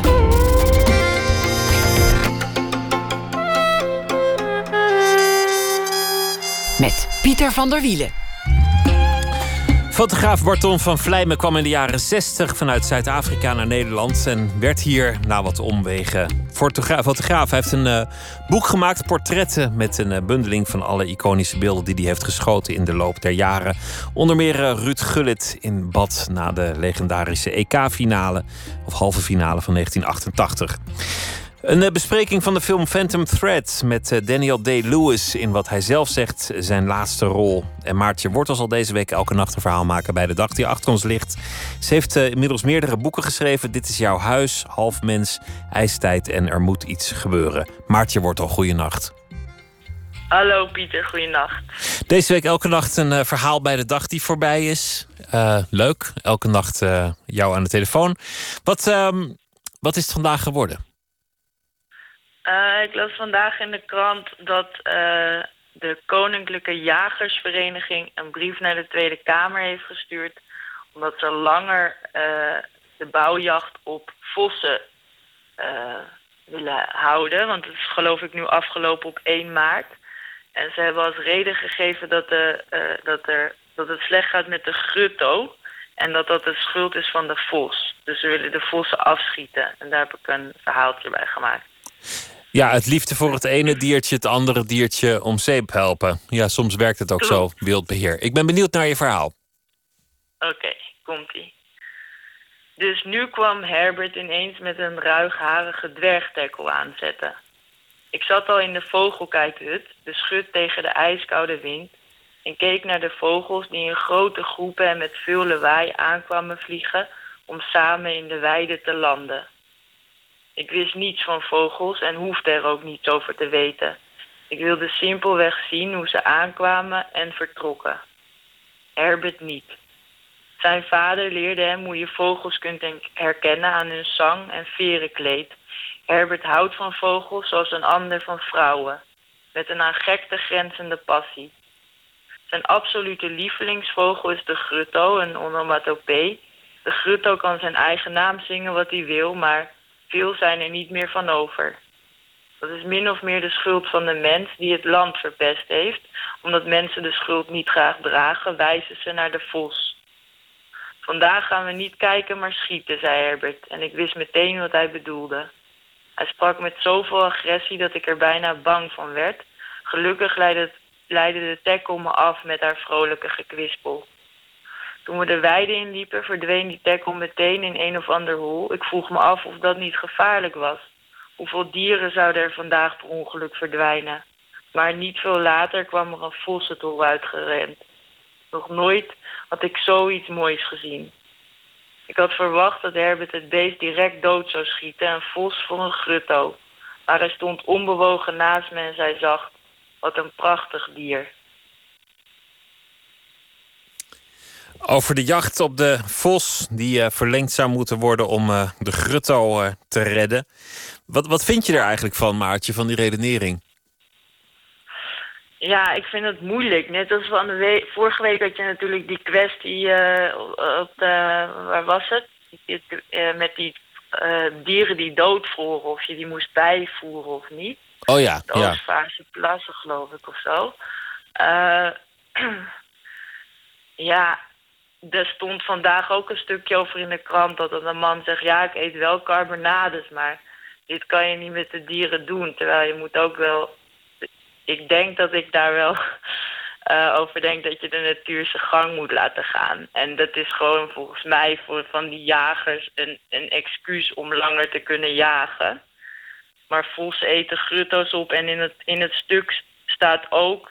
Het, het zal wel een beetje helpen, maar het is vooral de mens en de landbouw die ervoor zorgt dat die vogels niet meer uh, uh, de goede, goede grond hebben om op te landen. Dus het is zo, ja, het zo. Volgens mij heeft het geen zin. Maar misschien zeg ik nu weer iets. Nee, nee volgens mij zeg je.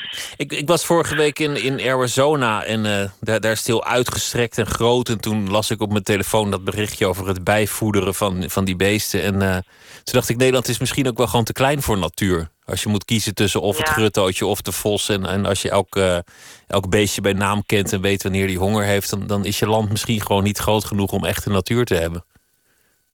Ja, dat is ook zo misschien, ja. Ja, ik, toch moeilijk, want je wil ook niet dat die, die dieren lijden. Ik denk dat als ik zo'n vermagerde koe zie, dat ik hem ook iets te eten zal geven. Omdat ja, als je er toevallig langs loopt, maar er is ook wel een soort massa-hysterie over ontstaan. Want het is wel gewoon letterlijk de natuur die zijn gang gaat.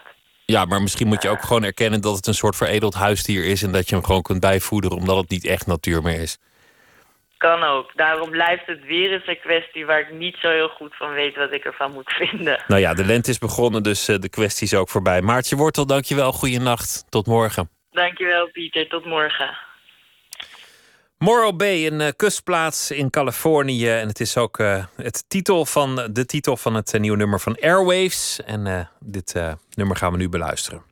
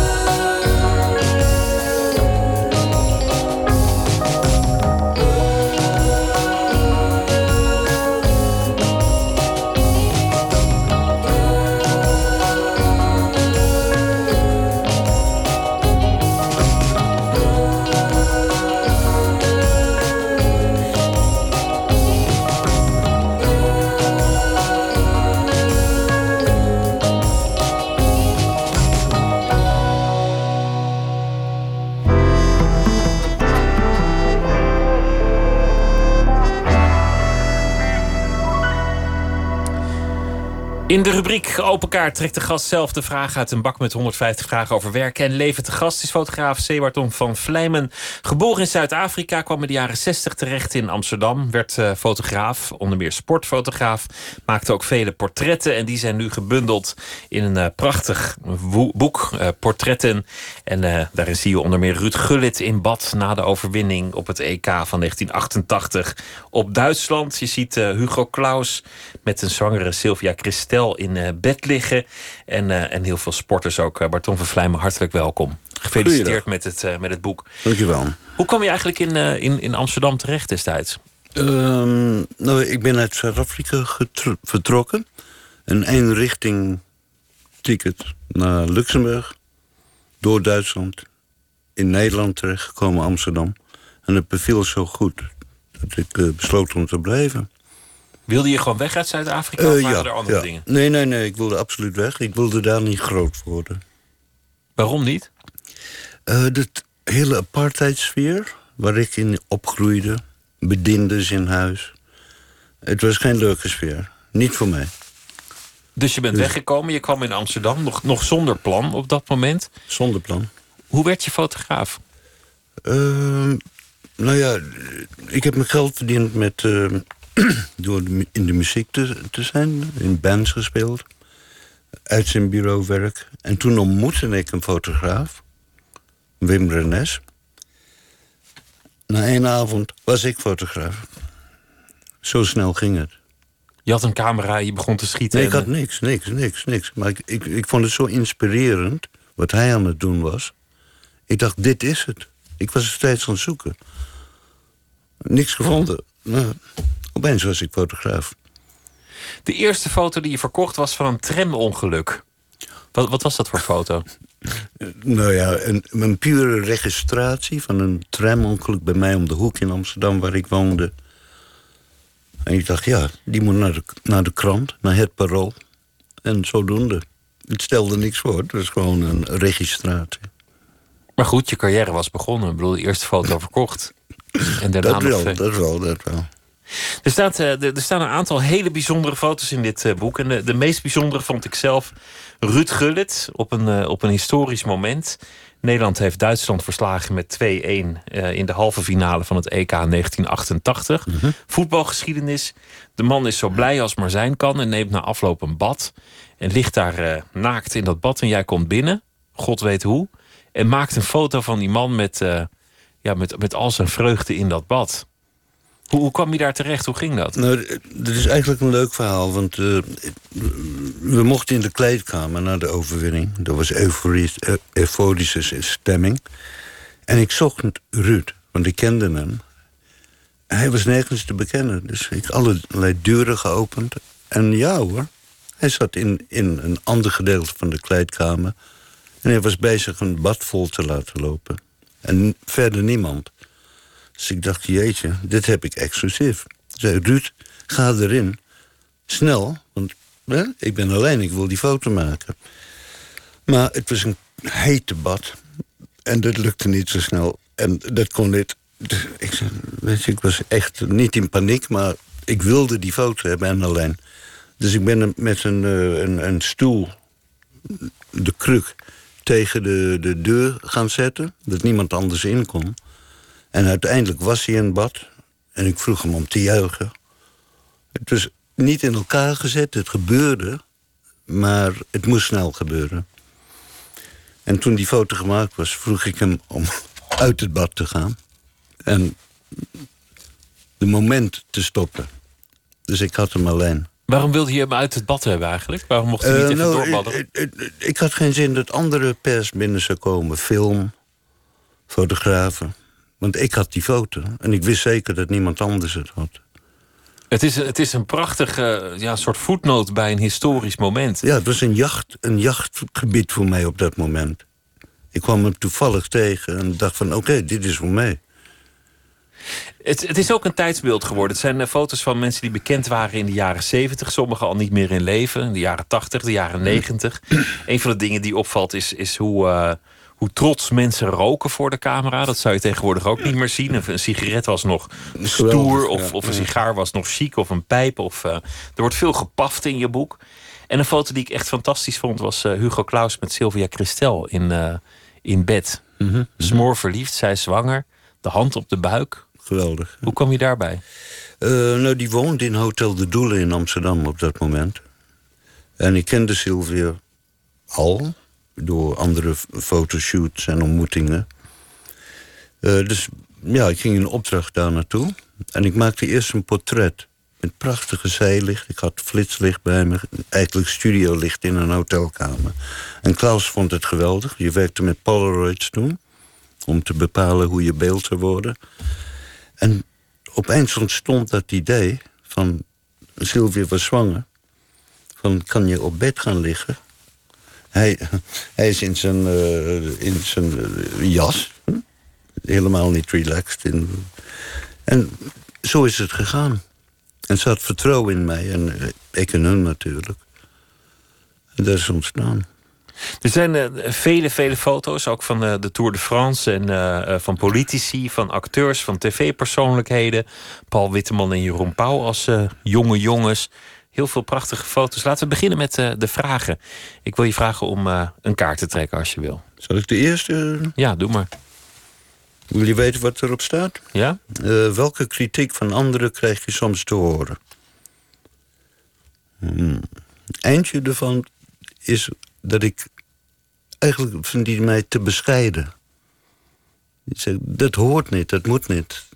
Te bescheiden als fotograaf, dat je niet... Uh, niet... Ja, of als mens uh, toch een beetje bescheiden. In de zijlijn en niet naar voren. Had je meer kunnen bereiken als je dat niet had gehad? Um, nou, ik, ik, denk het niet. Want dan zou ik niet bij mezelf zijn.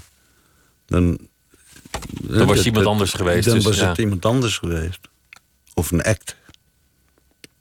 Laten we nog een kaart doen. Ik ga er tussenin inpakken. Mm -hmm. Wie gaat je uit de weg? Een denderende trein, maar dat is niet een dat is verstandig. Dat is niet een wie natuurlijk. Zijn, zijn er mensen die je ontloopt? Uh, nee, in principe niet. Nee, nee. En zijn er, zijn er momenten dat je mensen liever niet portretteert? Bijvoorbeeld in, in, in de sport na een nederlaag of op een gevoelig moment. Zijn er dan moment, momenten dat je, dat je een stap naar achter doet? Um, nou, nee, eigenlijk niet. Je, je bent er om elke moment mogelijk te pakken. En momenten die je zelf wil. Ik heb, ik heb wel afstand gehouden soms. Ik weet niet precies uh, het moment. Van oké, okay, dit is niet voor mij. Maar andere momenten absoluut wel. Laten we nog één doen.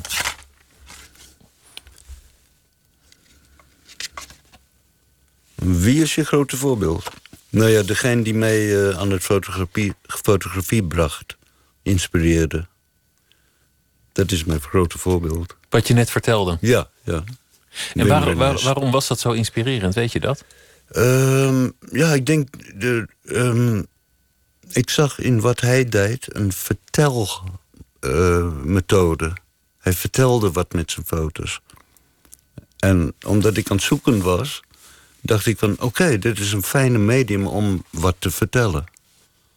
Dus bijvoorbeeld de straat op gaan, sociaal, uh, problematiek of niet... dan kon je een verhaal vertellen. En ik dacht van, ja, dit is voor mij. Dit ga ik doen. Dat valt me op bij je portretten, dat het, dat het zelden echt een portret is in de klassieke zin van gewoon een, een gezicht, iemand die stilstaat. Het zijn vaak gebeurtenissen. Het is vaak ook een tafereel, een handeling, er zit een soort beweging in. Je, je, je treft altijd een moment. Mm -hmm, mm -hmm. Ik denk dat dat. Uh, ik was altijd op zoek naar die moment.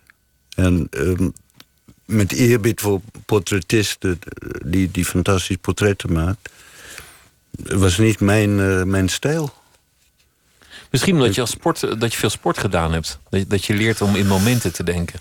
Mm, ja, maar misschien begon ik met portretfotografie voordat ik sport deed. Sterker nog, dat is zo. Dat, dat, dat zie ik in het boek. Heel goed. Nee, maar het, het is een moment inderdaad. En mijn, mijn, mijn methode was om ehm, erin te gaan. En het niet voorbij laten gaan. Dus die moment grijpen en aan de gang. Dat is de essentie van fotografie, een moment. Denk het wel. Zullen we nog een kaart doen? Ja. Oké, dat is een leuke. Wat was je bijbaan? Eh, geen bijbaan. Nooit gehad? nee, nee. Nee, dit was gewoon je baan en je bijbaan. Dit was mijn, mijn baan. Ik, ik vertelde net, daarvoor had ik bijbaan als, als uitzendkracht. En als uh, popmuzikant. Ja. Maar ja, daarna geen bijbaan. Laten we nog geen doen.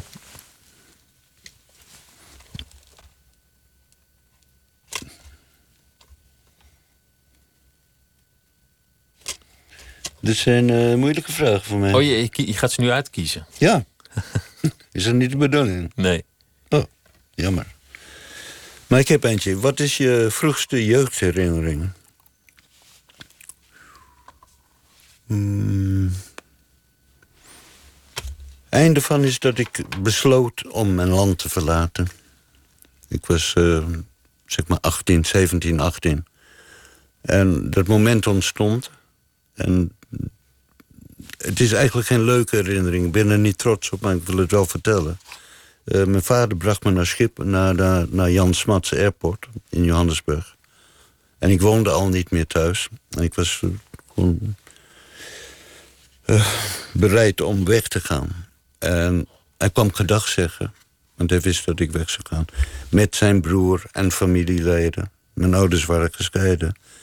En ik herinner me dat ik... Uh, je had geen gates toen. Je, je, ging gewoon over de tarmac lopen naar je vliegtuig. En ik besloot niet om te draaien, niet te zwaaien. Gewoon te breken. En dat is een van mijn vroegste herinneringen inmiddels. Gewoon, ik ben weg, dag. Maar niet dag, gaan. Is dat later ook nog goed gekomen met je familie? Uh, nee. die band ook... Uh, nee, nee. Nee nooit, nooit, meer, nooit meer gezien ook zelfs? Uh, mijn vader niet, mijn moeder wel. En dat, is, dat was wel aardig. Zij was er niet bij op dat moment. Ja, dat is wel aardig geworden. Als je nou kijkt naar de geschiedenis van Zuid-Afrika... wat er allemaal gebeurd is nadat jij weg was... dan, dan kan ik me voorstellen dat je blij bent dat je weg was. Um, ja, ja, het is een soort berusting. Ik wilde. Ik, in al die jaren dat ik weg ben, wilde ik, ik nooit terug.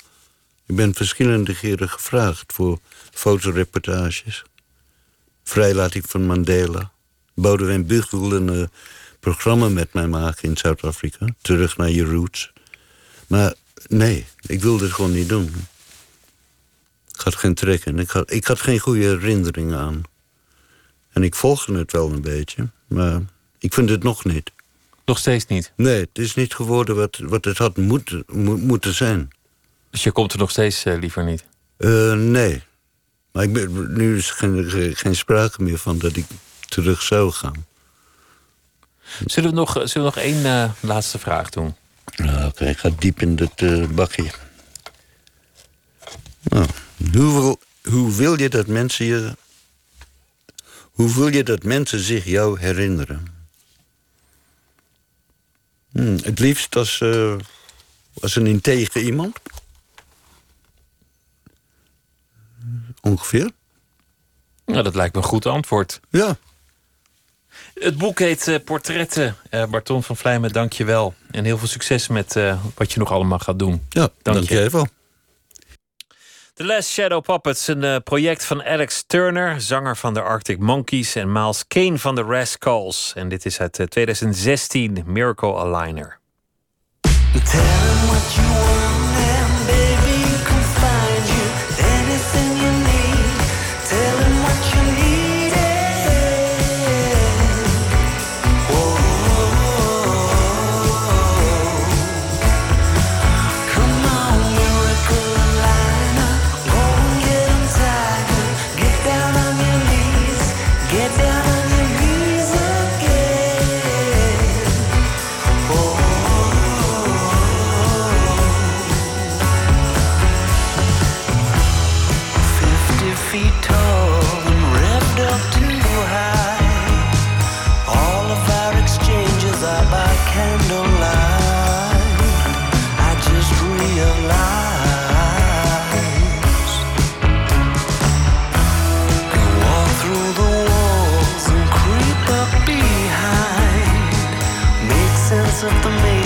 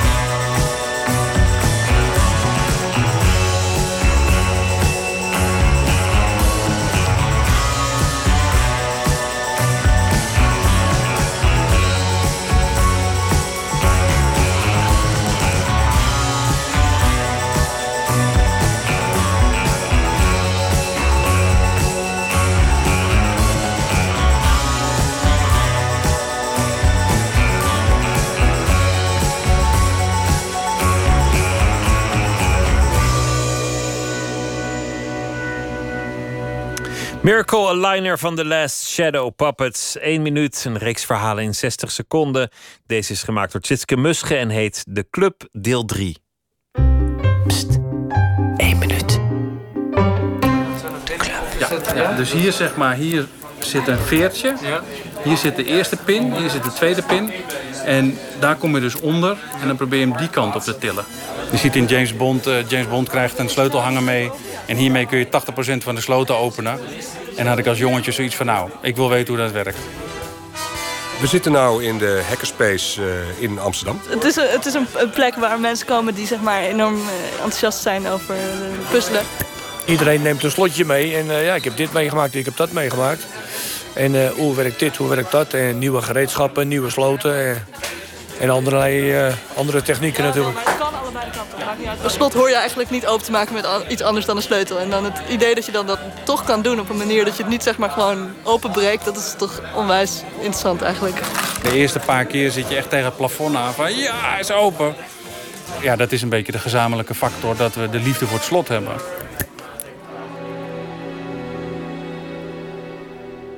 Eén minuut gemaakt door Tjitske Musche. Hier is Beck met Blue Moon.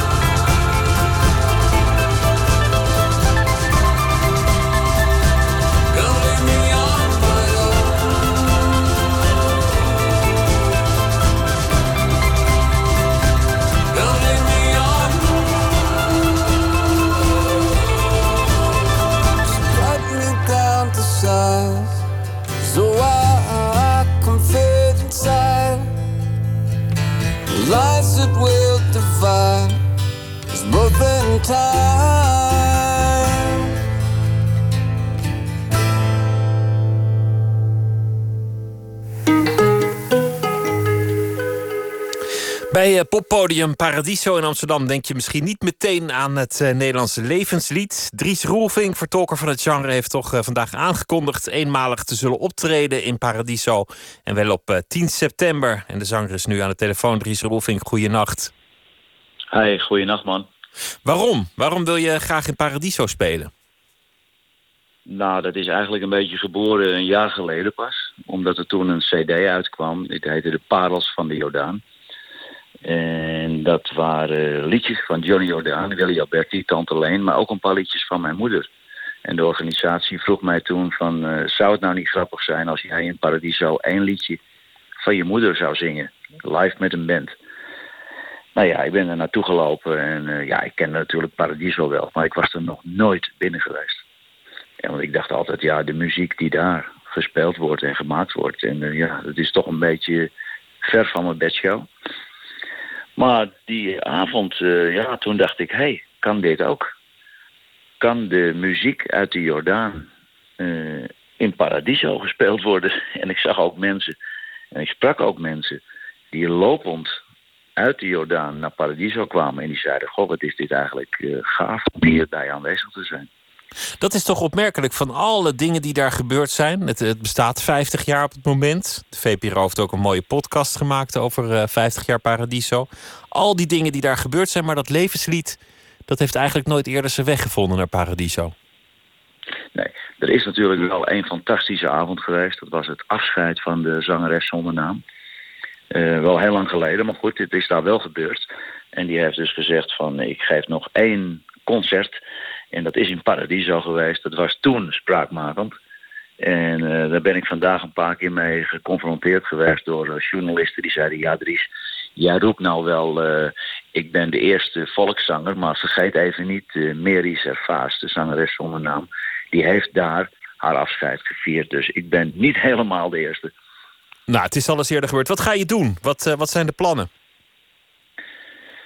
Nou ja, en naast mijn eigen liedjes ga ik me toch ook van een andere kant laten zien. Ik heb natuurlijk wel even nagedacht van wie hebben daar nou ooit gestaan. En ja, daar kom je bij eh, wereldsterren waar ik eh, helemaal niet tussen pas. Maar ik dacht, nou ja, als ik nou kijk naar Mick Jagger, eh, Prince, David Bowie, ik noem er maar drie op, heb ik tegen mijn band gezegd, is het nou niet mogelijk dat we een medley maken van die drie wereldsterren en dat ik die eh, op mijn manier eh, ga zingen. Als we daar eh, even op studeren, dan kan dat een fantastische medley worden. En als we dan ook nog beeld hebben dat achter mij in Paradiso vertoond wordt van die drie grootheden. Nou, dat lijkt mij een hoogtepunt. En dat ook Engelstalig? Ja, Engelstalig. Ik ben eigenlijk, dat weet bijna niemand meer, want ik hoor aan jouw stem ook dat je al dat je nog vrij jong bent. Er weet bijna niemand meer dat ik ooit Engelstalig begonnen ben. Ik ben in de jaren tachtig uh, met twee Engelstalige albums begonnen. Ik heb vier jaar geleden nog een Engelstalig album gemaakt. Alleen, ja, als je al het stempel hebt van de feestzanger... dan is het heel moeilijk om, om je Engelstalige repertoire nog zeg maar, aan de man te brengen. En mijn promotiemensen die kwamen wel eens teleurgesteld terug... als ik dus een Engelstalig album had gemaakt. Die zeiden, ja, men vindt het wel mooi, maar dan zegt men weer in, uh, in Hilversum dit is niet uh, de Dries zoals wij hem uh, willen horen. Dus ik, ik, ik, ik kom daar nooit doorheen. Alleen als ik nou eens een avond doe in een theater. Ik heb dat ooit gedaan in Carré, in het concertgebouw. En twee jaar geleden nog in de Schouwburg van Amstelveen. Dan vind ik het wel fijn om ja, die andere kant van mij eens te laten zien. Zijn er nog dingen waar je voor terugdeinst eigenlijk? Want je, je, gaat elke keer maar weer een, eh, een, een nieuwe berg op. Zijn er nog dingen waar, waar je voor terugdeinst? Eh, even denken, nou ja, waar ik voor terugdeins. Kijk, eh, er zijn ook artiesten die eh, de arena vullen. En dan denk ik van, nou ja, je moet niet te hoog grijpen. Maar ik speel met de gedachte dat als Paradiso succesvol verloopt... om dan nog eens een keer een avond in Carré te organiseren. Omdat ik dat twintig jaar geleden ook gestaan heb. Om dan nog eens te kijken, als ik dan 60 ben volgend jaar... om dan te zeggen, nou jongens, dan sta ik toch nog eens een keer in het hart van de stad in Carré met mijn eigen band. En eh, ik heb nou eenmaal een heel groot netwerk, omdat ik honderden keren in Nederland optreed eh, per jaar. Eh, geloof ik er altijd in dat er heel veel mensen mij willen opzoeken in een theater. Ik wens je heel veel plezier allereerst in Paradiso eh, 10 september. Dries Roelvink, dank je wel. En een goede nacht. Ik hou je op de hoogte. Goedenacht. Ja, dank je wel. Monday, een eh, zangeres uit Portugal. Haar eerste album heet One en dit nummer heet Pink Moon.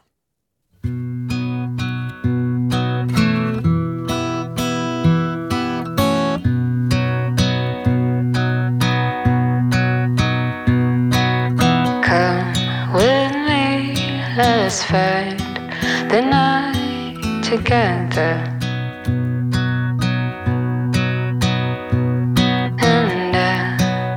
See you're tired of running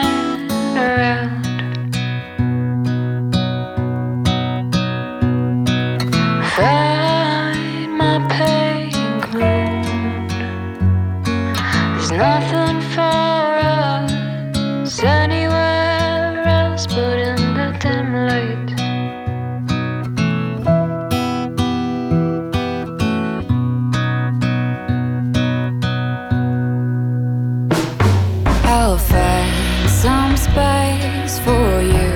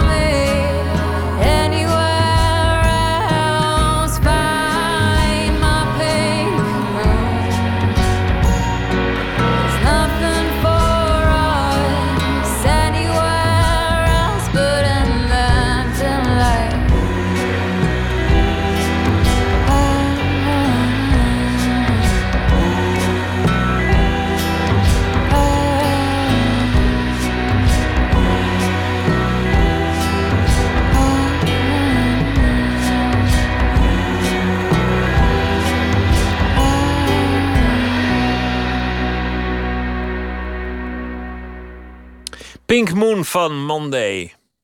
What do you think? Eén ster. Kom op, twee sterren. Nee, ik vond het echt maar één ster. Helemaal niks. Eén ster. Eén Echt ster. niet. Vier sterren. Nee joh, vijf. Twee sterren.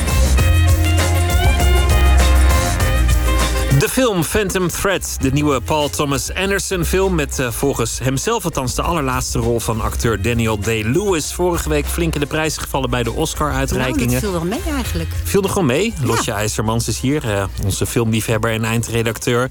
Wat eh, vonden de critici en wat vonden de mensen zelf? Vertel eerst eens over die eh, Oscars. Was flink genomineerd. Ja, hij had eh, zes nominaties gekregen voor beste film, beste regie, beste mannelijke hoofdrol, beste vrouwelijke bijrol, beste muziek en beste kostuums. En hij kreeg alleen die laatste. Ja, die was ook wel onontkombaar eigenlijk voor beste kostuums. Maar voor mij had hij ook best, beste regie mogen krijgen. Maar ja, ik ging er dus niet over. Phantom Thread, een eh, film die zeer lovend is ontvangen door de critici. We gaan even luisteren naar eh, de trailer. Her arrival has cast a very long shadow. She's barely looked at you this evening, has she? May I warn you of something? My brother can feel cursed. That love is doomed for him. I don't like the fabric. Maybe one day you'll change your taste. Maybe I like my own taste. Just enough to get you into trouble. Perhaps I'm looking for trouble. Stop. There is an air of quiet death in this house. You're not cursed, you're loved by me. Stop playing this game. What game? What precisely is the nature of my game? All your rules and your clothes and all this money and everything is a game. This was an ambush. Stop. Are you sent here to ruin my evening? And possibly my entire life? Stop it! Whatever you do, do it carefully. Een fragment van de trailer van eh, Phantom Thread van, eh, met eh, Daniel Day-Lewis in, eh, in de hoofdrol. Een eh, film van eh, de regisseur eh, P.T. Anderson. Lotje IJzermans, is het een typische film van, van Anderson? Ja, ja, Paul Thomas Anderson maakte eerder films als eh, Boogie Nights, There Will Be Blood en eh, The Master. En het zijn eigenlijk allemaal films die eh, een eigen wereld creëren, een eigen universum, waarin één charismatisch karakter centraal staat. En in het geval van Phantom Thread is dat Reynolds Woodcock, what's in a name, couturier van de High Society in het Londen van de jaren 50. Hij leeft al jaren samen met zijn zus, met wie hij ook The House of Woodcock runt. En af en toe komt er dan een nieuwe muze die hij kleedt en met wie hij vrijt. Eh, totdat dat de dag komt dat haar beu is en dan mag zus lief die eh, muze wegsturen. En heel klassiek komt er natuurlijk een nieuwe muze in dat, eh, in dat leven. Precies, en dan wordt alles anders. Het hele spel verandert dat iedereen al jaren speelt als de nieuwe muze Alma binnenkomt. En zij wordt gespeeld door de onbekende Luxemburgse actrice Vicky Creeps. En zij biedt tegenwicht tegen de veel eisende couturier. En eh, er ontstaat eigenlijk een fascinerend kat-en-muisspel.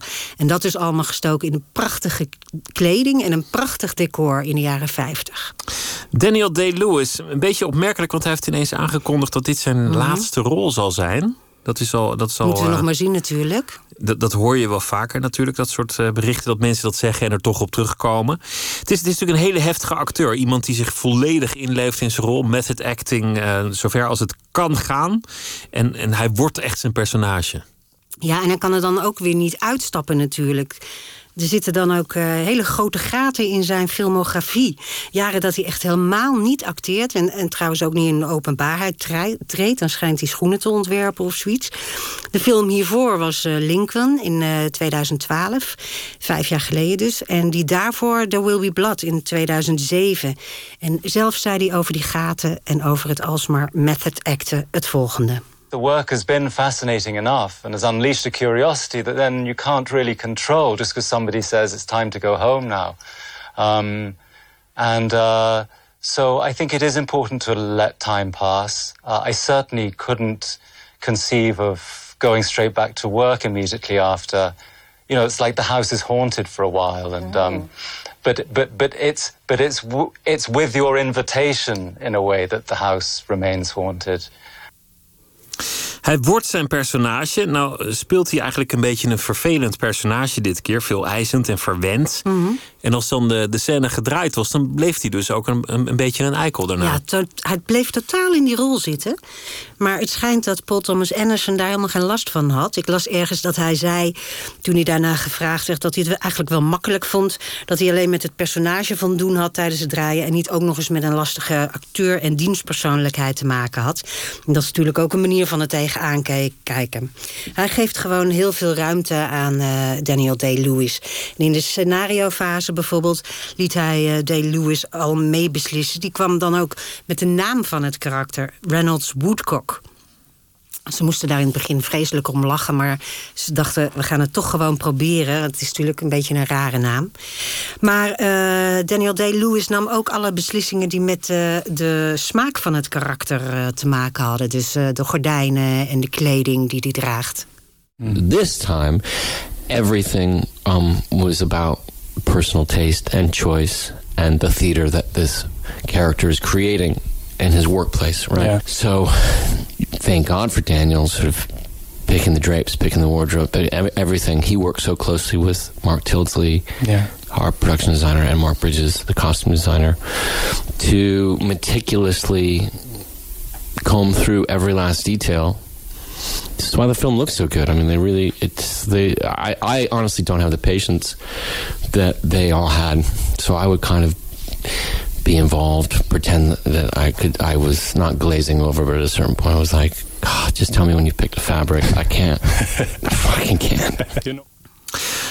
Hoe zit het dan met de tegenspelers? Want, want hij, hij heeft een muze in de film en later nog een andere muze. Het lijkt me nogal lastig om, om een tegenspeler te hebben die zo dominant Nou, is. En, ja. en, en zeker, want het was ook nog een relatief onbekende acteur. Ja, totaal eh, onbekende Vicky Creeps... die eigenlijk alleen in Duitsland en eh, Luxemburg gewerkt heeft tot nu toe. Alma. En eh, zij moet het in het verhaal opnemen tegen Woodcock en zijn zus. En die actrice Vicky Creeps... die moest het eigenlijk opnemen tegen P.T. Anderson en Daniel Day-Lewis. Ook een heftig tandem. Ze had zo eh, haar eigen manier van zich voorbereiden. Niet met method acting, zoals haar tegenspeler... maar juist door zich helemaal leeg te maken. free. So I try to become empty, and it, it it's like meditation almost. You know, when you try to to forget who you are, but more who you want to be. So I had to try and forget what I want to be as an actress, or who I want to be as an actress, what kind of movie I would like to do, or you know what it means being an actress in a Paul Thomas Anderson movie. All these ideas I try to get rid of and create like a silence. Goed, een eh, prachtige film volgens eh, de recensenten. Volgens jou zelf ook, eh, meen ik te horen. Wat vonden de luisteraars ervan? Nou, eh, we hebben hier Annemiek van den Berg uit Brunsum. Die schrijft prachtig gefilmd en ijzersterk acteerwerk... maar ik liep toch teleurgesteld de bioscoopzaal uit. De film is veel te pretentieus naar mijn smaak. Het had rauwer gekund zoals P.T. Anderson zo goed deed met There Will Be Blood. In een recensie las ik het volgende citaat... wat voor mij de film goed beschrijft. Een film over een controlfreak gemaakt door een controlfreak. En meneer Lettips uit Zaandam, het was weer fascinerend. Daniel Day-Lewis te zien, speelt goed als altijd. Ontzettend jammer dat dit zijn laatste rol zal zijn. En ik had er nog eentje van Charlotte Krijgsma. Die zegt, prachtig, wat een kostuums. De jurken die Reynold Woodcock maakt zijn ongelooflijk... maar je ziet dat er ook veel werk in de kleding van de andere personages is gaan zitten. Woodcocks zus, die strak belijnde zwarte kleding draagt... en Alma, die aan het begin in simpele maar kleurrijke truitjes en jurkjes loopt. Zo versterkt de kleding de personages. Deze film maakt duidelijk hoe belangrijk kostuums zijn... voor het vertellen van een verhaal. Nou ja, en voor die kostuums hebben ze dus ook een Oscar gehad. Dus deze Charlotte Krijgsma heeft het goed gezien. Phantom Thread is nog eh, te zien in eh, de bioscopen. Lotje IJzerbrands, dankjewel. Nog eventjes. Eh, de volgende week hebben we een bijdrage van Karen Al... over de tentoonstelling van Neo Rauch in Zwolle. Dus als je daar geweest bent en je hebt er iets over te vertellen... stuur dan je mailtje aan oordeelzelf.vpro.nl. Oordeelzelf.vpro.nl. Lotje IJzerbrands, dankjewel. Een nieuw album van eh, Boxer Rebellion een Brits-Amerikaanse groep. Eh, ze stonden afgelopen weekenden nog in Groningen te spelen. En ze zullen dit jaar eh, nog terugkomen naar Nederland. En dit nummer heet Here I Am.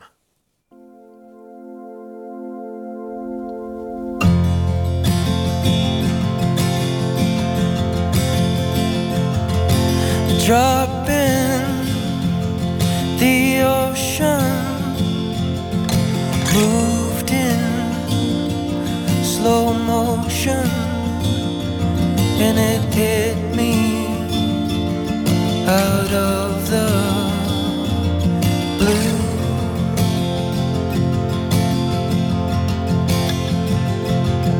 I followed blindly, however unlikely that I'd find I'd find you. I just knew.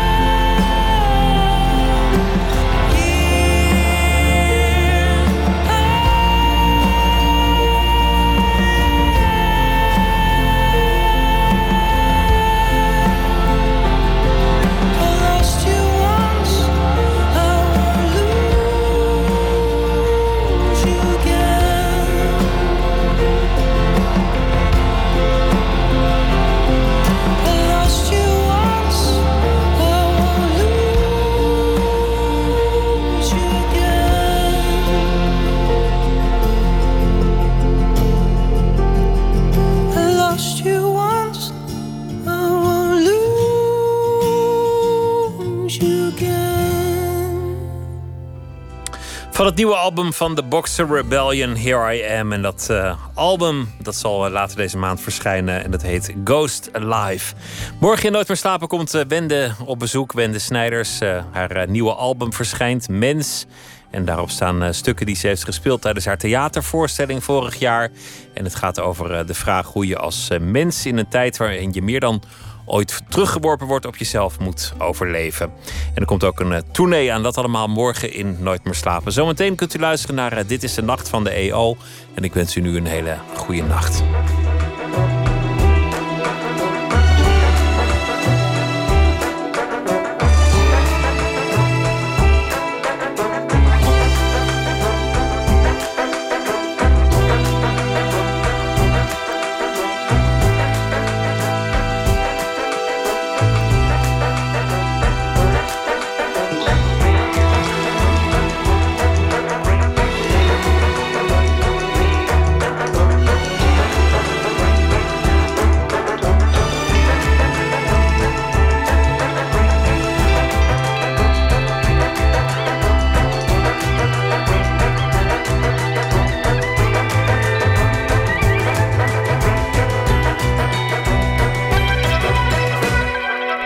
Radio 1.